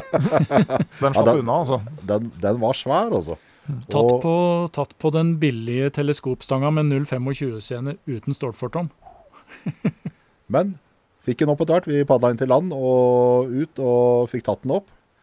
Og Lars og Mattis delte den gjedda. Jeg uh, fikk min egen på sånn rundt uh, 3-3,5 kilo. Og vi spiste, og jeg uh, koste meg. God mat, og så lenge du flår den og ikke har noe bein og sånne ting. Men så så jeg liksom både Lars og Mattis, de hadde litt sånn nedovermunn, rett og slett. Så spurte jeg hva, hva er gærent. Nei, det var ikke helt uh, topp, den fisken der. Så smakte jeg en uh, skje av den, da. Det er kanskje noe av det verste jeg har smakt. Det smakte skikkelig blanding av råtne aske. Ja, det var, det var ikke bra. Det var helt krise. Ja, Det ble dårlig stemning. Ja. så, så der slutta altså positiviteten til, til Mattis. Den slutter på eh, gjedde som smaker aske. Da, da Ja, så klarer man ikke å tenke på Så var vi våte til skinn, og det hadde vært en, eh, vært en lang dag. Og nei, det ble, det ble tidlig retur til teltet den kvelden, altså. Og så var det ikke dårlig humør av den grunn. Altså, jeg storkoste meg jo med dette her, for jeg så jo selvfølgelig gleden i å se nedovermunnene deres. Men eh, Jeg husker sånn, eneste gangen jeg har vært virkelig sur på de turene her, det var på, på første turen da man fortsatt fotograferte med kamera med film i. Og hadde en sånn superdag med ja, moskus og ting og tang, da, og så skal jeg skifte film i en fart. Så jeg glemte å spole den tilbake først. Ai. au. Det, um, det var litt nedtur. Ja, det er krise. Ja, egentlig ikke, da, for jeg, jeg, jeg driver og lager den e-boka mi fra Canada-turen. Dette Det, det her var første turen på Telon. Og Jeg hadde liksom sånn forestilling med at jeg hadde jo tatt tusenvis av bilder, at det var ganske mye bra, da. Men det var ikke så veldig enkelt å skrape sammen bilder til å illustrere et bokkapittel med de greiene der. Altså, det var på alle vis ganske slette greier. Det var eh, ja, jeg kasta dem ikke, du er jo emosjonelt knytta til det, men eh, antall publiserbare bilder i den haugen der, det var ganske lite. Mm. Så, eh, så det er liksom ikke alt som er helt sånn som man eh, trodde der. Ellers er jo, som du snakka om forsvar mot, til bjørn, så bruker vi bjørnespray òg. det er litt avhengig av vindretning og sånne ting. Og så er det én litt viktig ting der sånn med bjørnesprayen. Og det er sikringa, og hvor du oppbevarer den. Uh, Alaskaturen på 90-tallet så klarte jeg å miste sikringa, og så putta jeg den i lomma. Jeg hadde dytta en pinne inn som en sikring, så det var sikkert nok. Litt sånn uh, høy og mørk. Og så skal jeg bort til kanoen, ta fram fiskestanga, for vi var ved en fantastisk fin eh, elv som ned, rant ned fra noe isbre litt høyere oppe i fjellet, og, men allikevel var krystallklar og iskald. Tenkte her skal jeg fiske. Og bøyer meg over kanoen for å plukke opp fiskestanga, og så hører jeg en sånn derre psj-lyd. Så står jeg bøyd litt, og så lurer jeg på hva er det for en lyd? Den var litt unaturlig her ute. Og så kjenner jeg det. Da har jo selvfølgelig bjørnesprayen i lomma gått av. Den pinnen jeg hadde som sikring, hadde jo dette ut. Så jeg eh, spraya jo innsiden av begge låra mine. Og eh, alt som var imellom der. Og den bjørnesprayen, den er så klissete. Og den svir noe så grassat. Så jeg kjente jo en intens smerte. Altså, jeg har hatt, faktisk hatt en rotfylling hvor tannlegen bedøvde, bedøvde feil tann. Det var kos i forhold til dette her. Så jeg tok løpefart og hoppa ut i elva. Den iskalde elva. Og så sa jeg til Lars du må passe på bjørn, jeg flytter meg ikke. Og fikk tatt av meg buksa etter hvert i elva. Og jeg kjente jo ikke anklene, leggene, tæra eller noe. Jeg hadde jo ikke følelse, for det var så kaldt. Likevel så svei det. Og dette her, vi hadde ca. en uke igjen av turen. Resten av den uka så gikk jeg som om jeg hadde gjort det i buksa. God breibeint stil. Det svei, og det gjorde vondt, og huden flassa av, og ikke bra i det hele tatt. Og etter 40 dager i begynnelsen av 20-åra, så kommer man hjem. Og så tar man seg en tur på byen, setter seg ned på Aker Brygge, tar en halvliter. Og så kjente jeg at eh, nei, jeg kan bare dra hjem igjen, jeg. Da, da var jeg alvorlig urolig en periode her, for jeg hadde ødelagt meg sjøl for livet. Og det, det tok eh, nesten en måned, og så begynte jeg å bli eh, frisk igjen. Det, så pass på bjørnesprayen. Den er eh, utrolig effektiv mot deg selv, i hvert fall.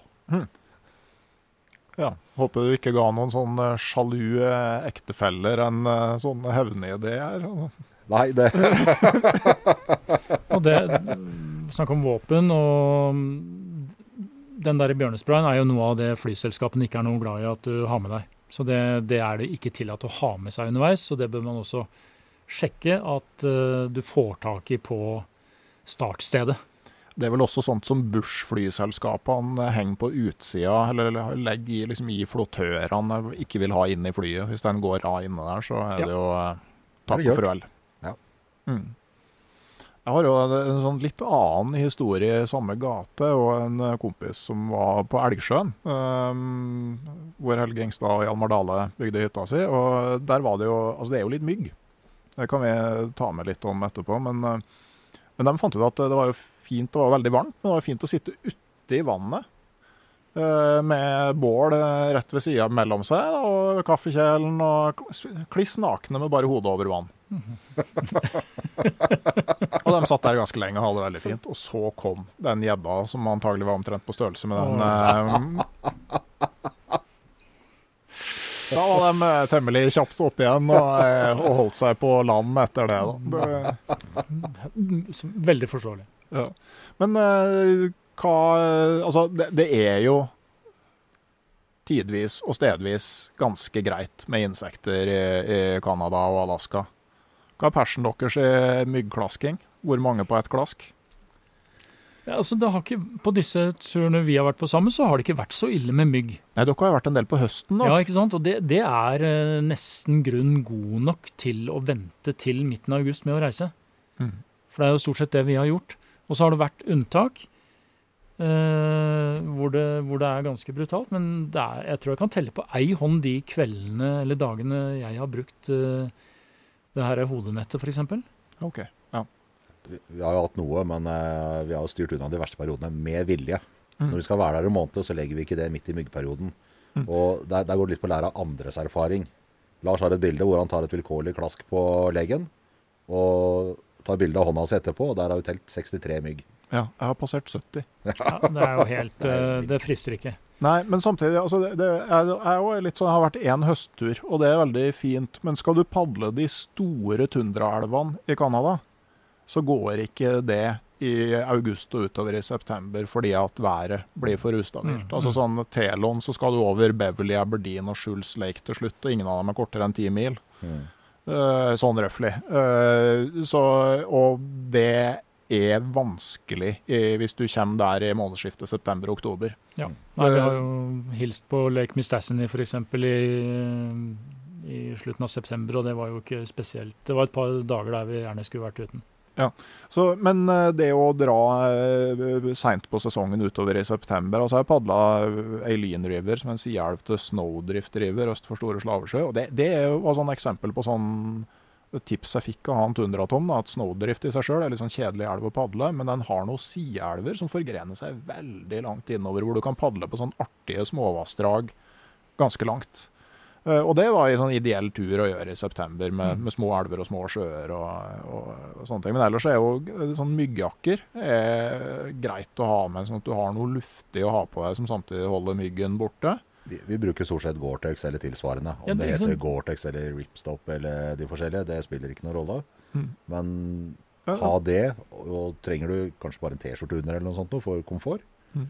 så har man eh, ikke mygg der i hvert fall. Nei, Nei. Har du et hodenett, så er det jo da egentlig bare henda som er eksponert.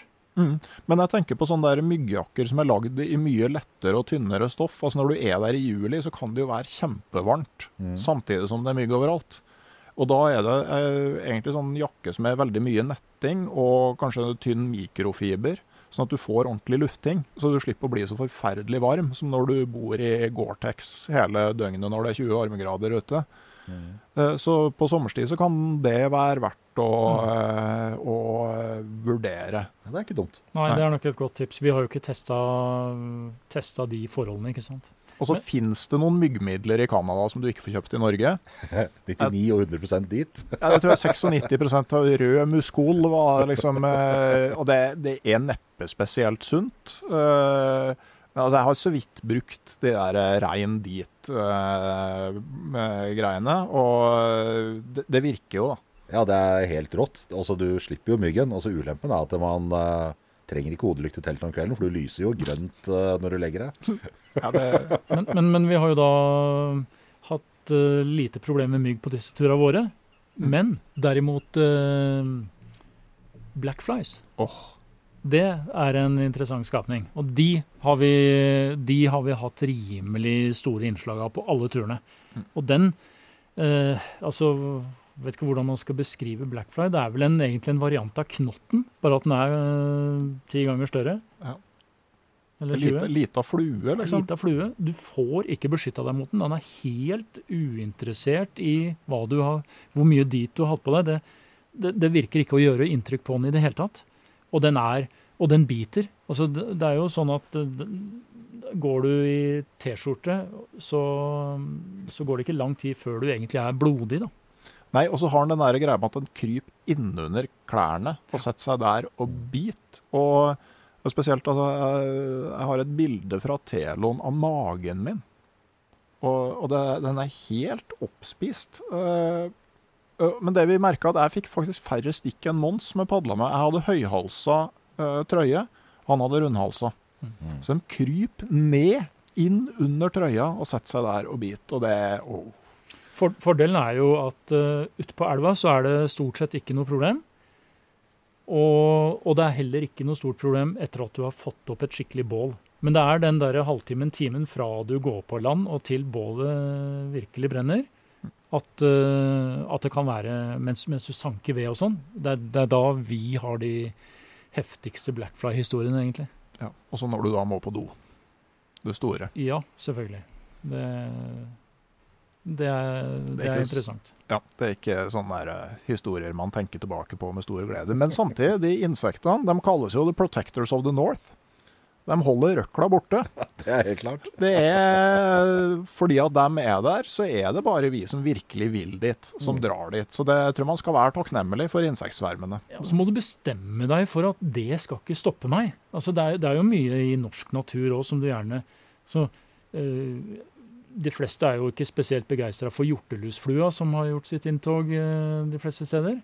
Eh, men du kan ikke la den hindre deg i å gå en tur i skogen i august, altså. Nei, som, Da- som Ingstad skrev i Pelsjegerli, det viktigste for en som skal inn i villmarken, var å utruste seg med en stor mengde resignasjon. Ja, det er fantastisk godt sagt. Nei, men du må ta kommandoen og heller bare, bare tilpasse deg, innrette deg etter det. Ja, og så får du fred for det i teltet. Sjøl om eh, du altså, Jeg har jo hatt sånne turer hvor du, når du skal inn i teltet, så begynner du med 100 meter sprint i medvind, og så bråsnur du og spurter i motvind tilbake og stuper inn i teltet. Og likevel så har du kanskje fått med deg 100 insekter inn. Ja.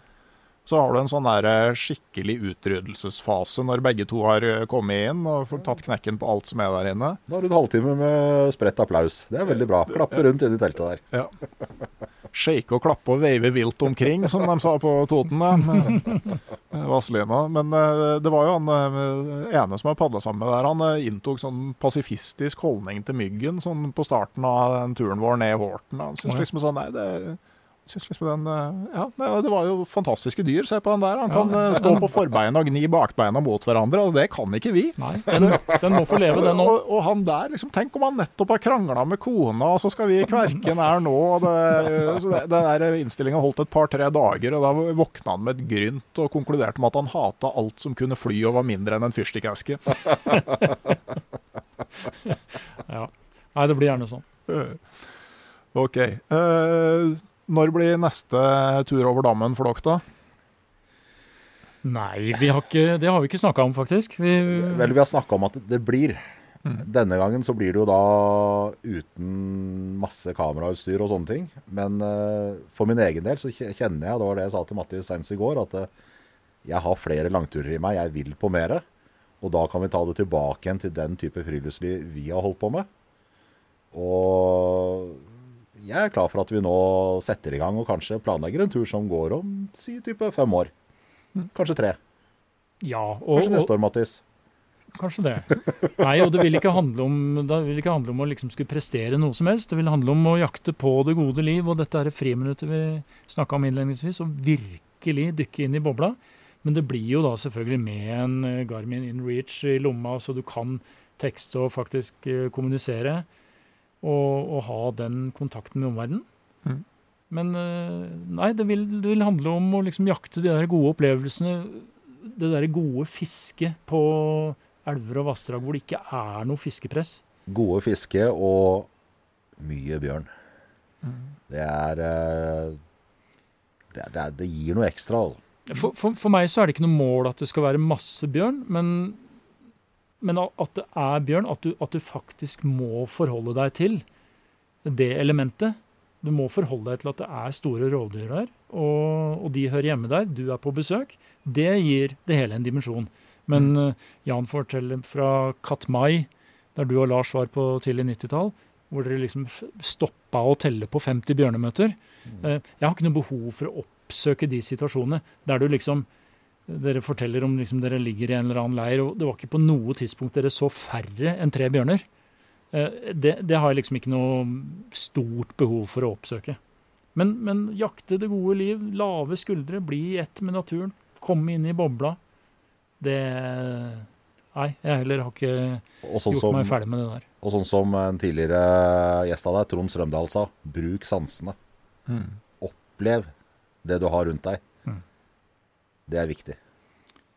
Hør vinden som suser. Og skriv dagbok. For uh, når du kommer tilbake, hvis du ikke har gjort det, så er bare alt en svær graut. Mm. Jeg har alltid skrevet dagbok når jeg er på tur, og også på kortere turer i Norge. Mm. Jeg har dessverre slurva med det, men uh, på de langturene det er fryktelig artig nå, 20 år etterpå. Mm. Og bla tilbake og ja, liksom skrive litt om hva du tenker, hva du mm. føler. Det, ja, helt klart. det er artig å ha seinere. Men det her med å bruke sansene, som, som Trond snakka om altså, Du bør jo ikke dra til Canada eller Alaska for å gjøre det. Det er jo bare å Nå er vi, nå er vi i fin natur i Nord-Østerdalen akkurat nå.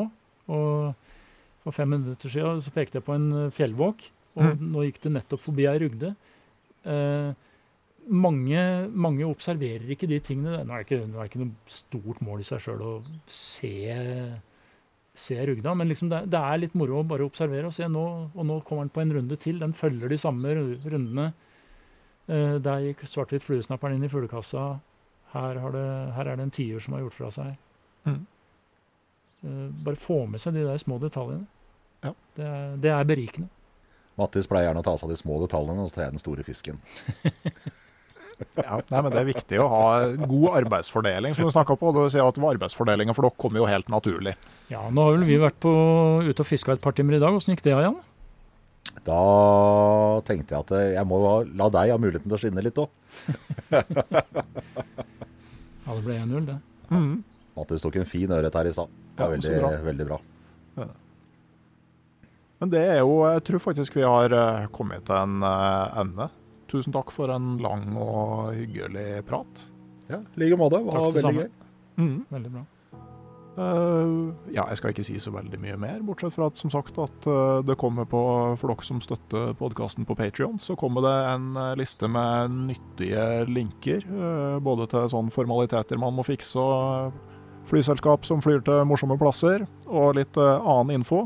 I tillegg så driver jeg som sagt eh, flere ganger i dag og publiserer ei e-bok om mine turer i Canada, som også er tilgjengelig for de som er patrions på, eh, på nivå med enten langturkompis eller ekspedisjonsmakker.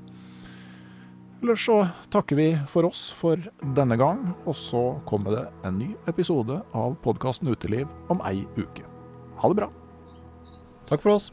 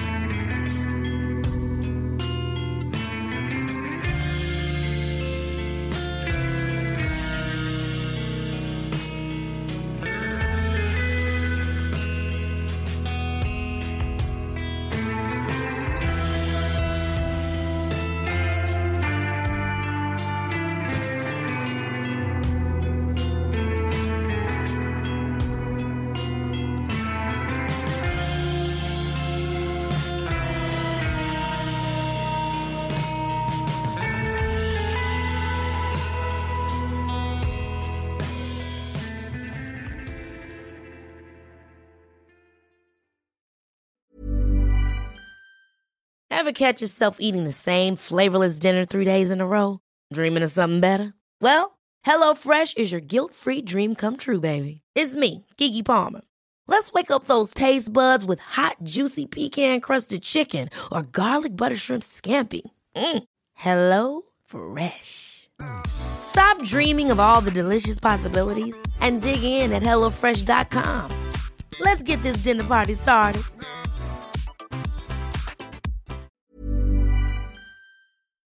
Hei, jeg heter Nore Helligsen og er daglig leder i Barents Outdoor.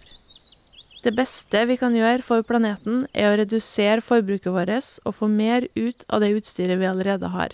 Men vi vet av erfaring at bruken av telt kan endre seg over tid.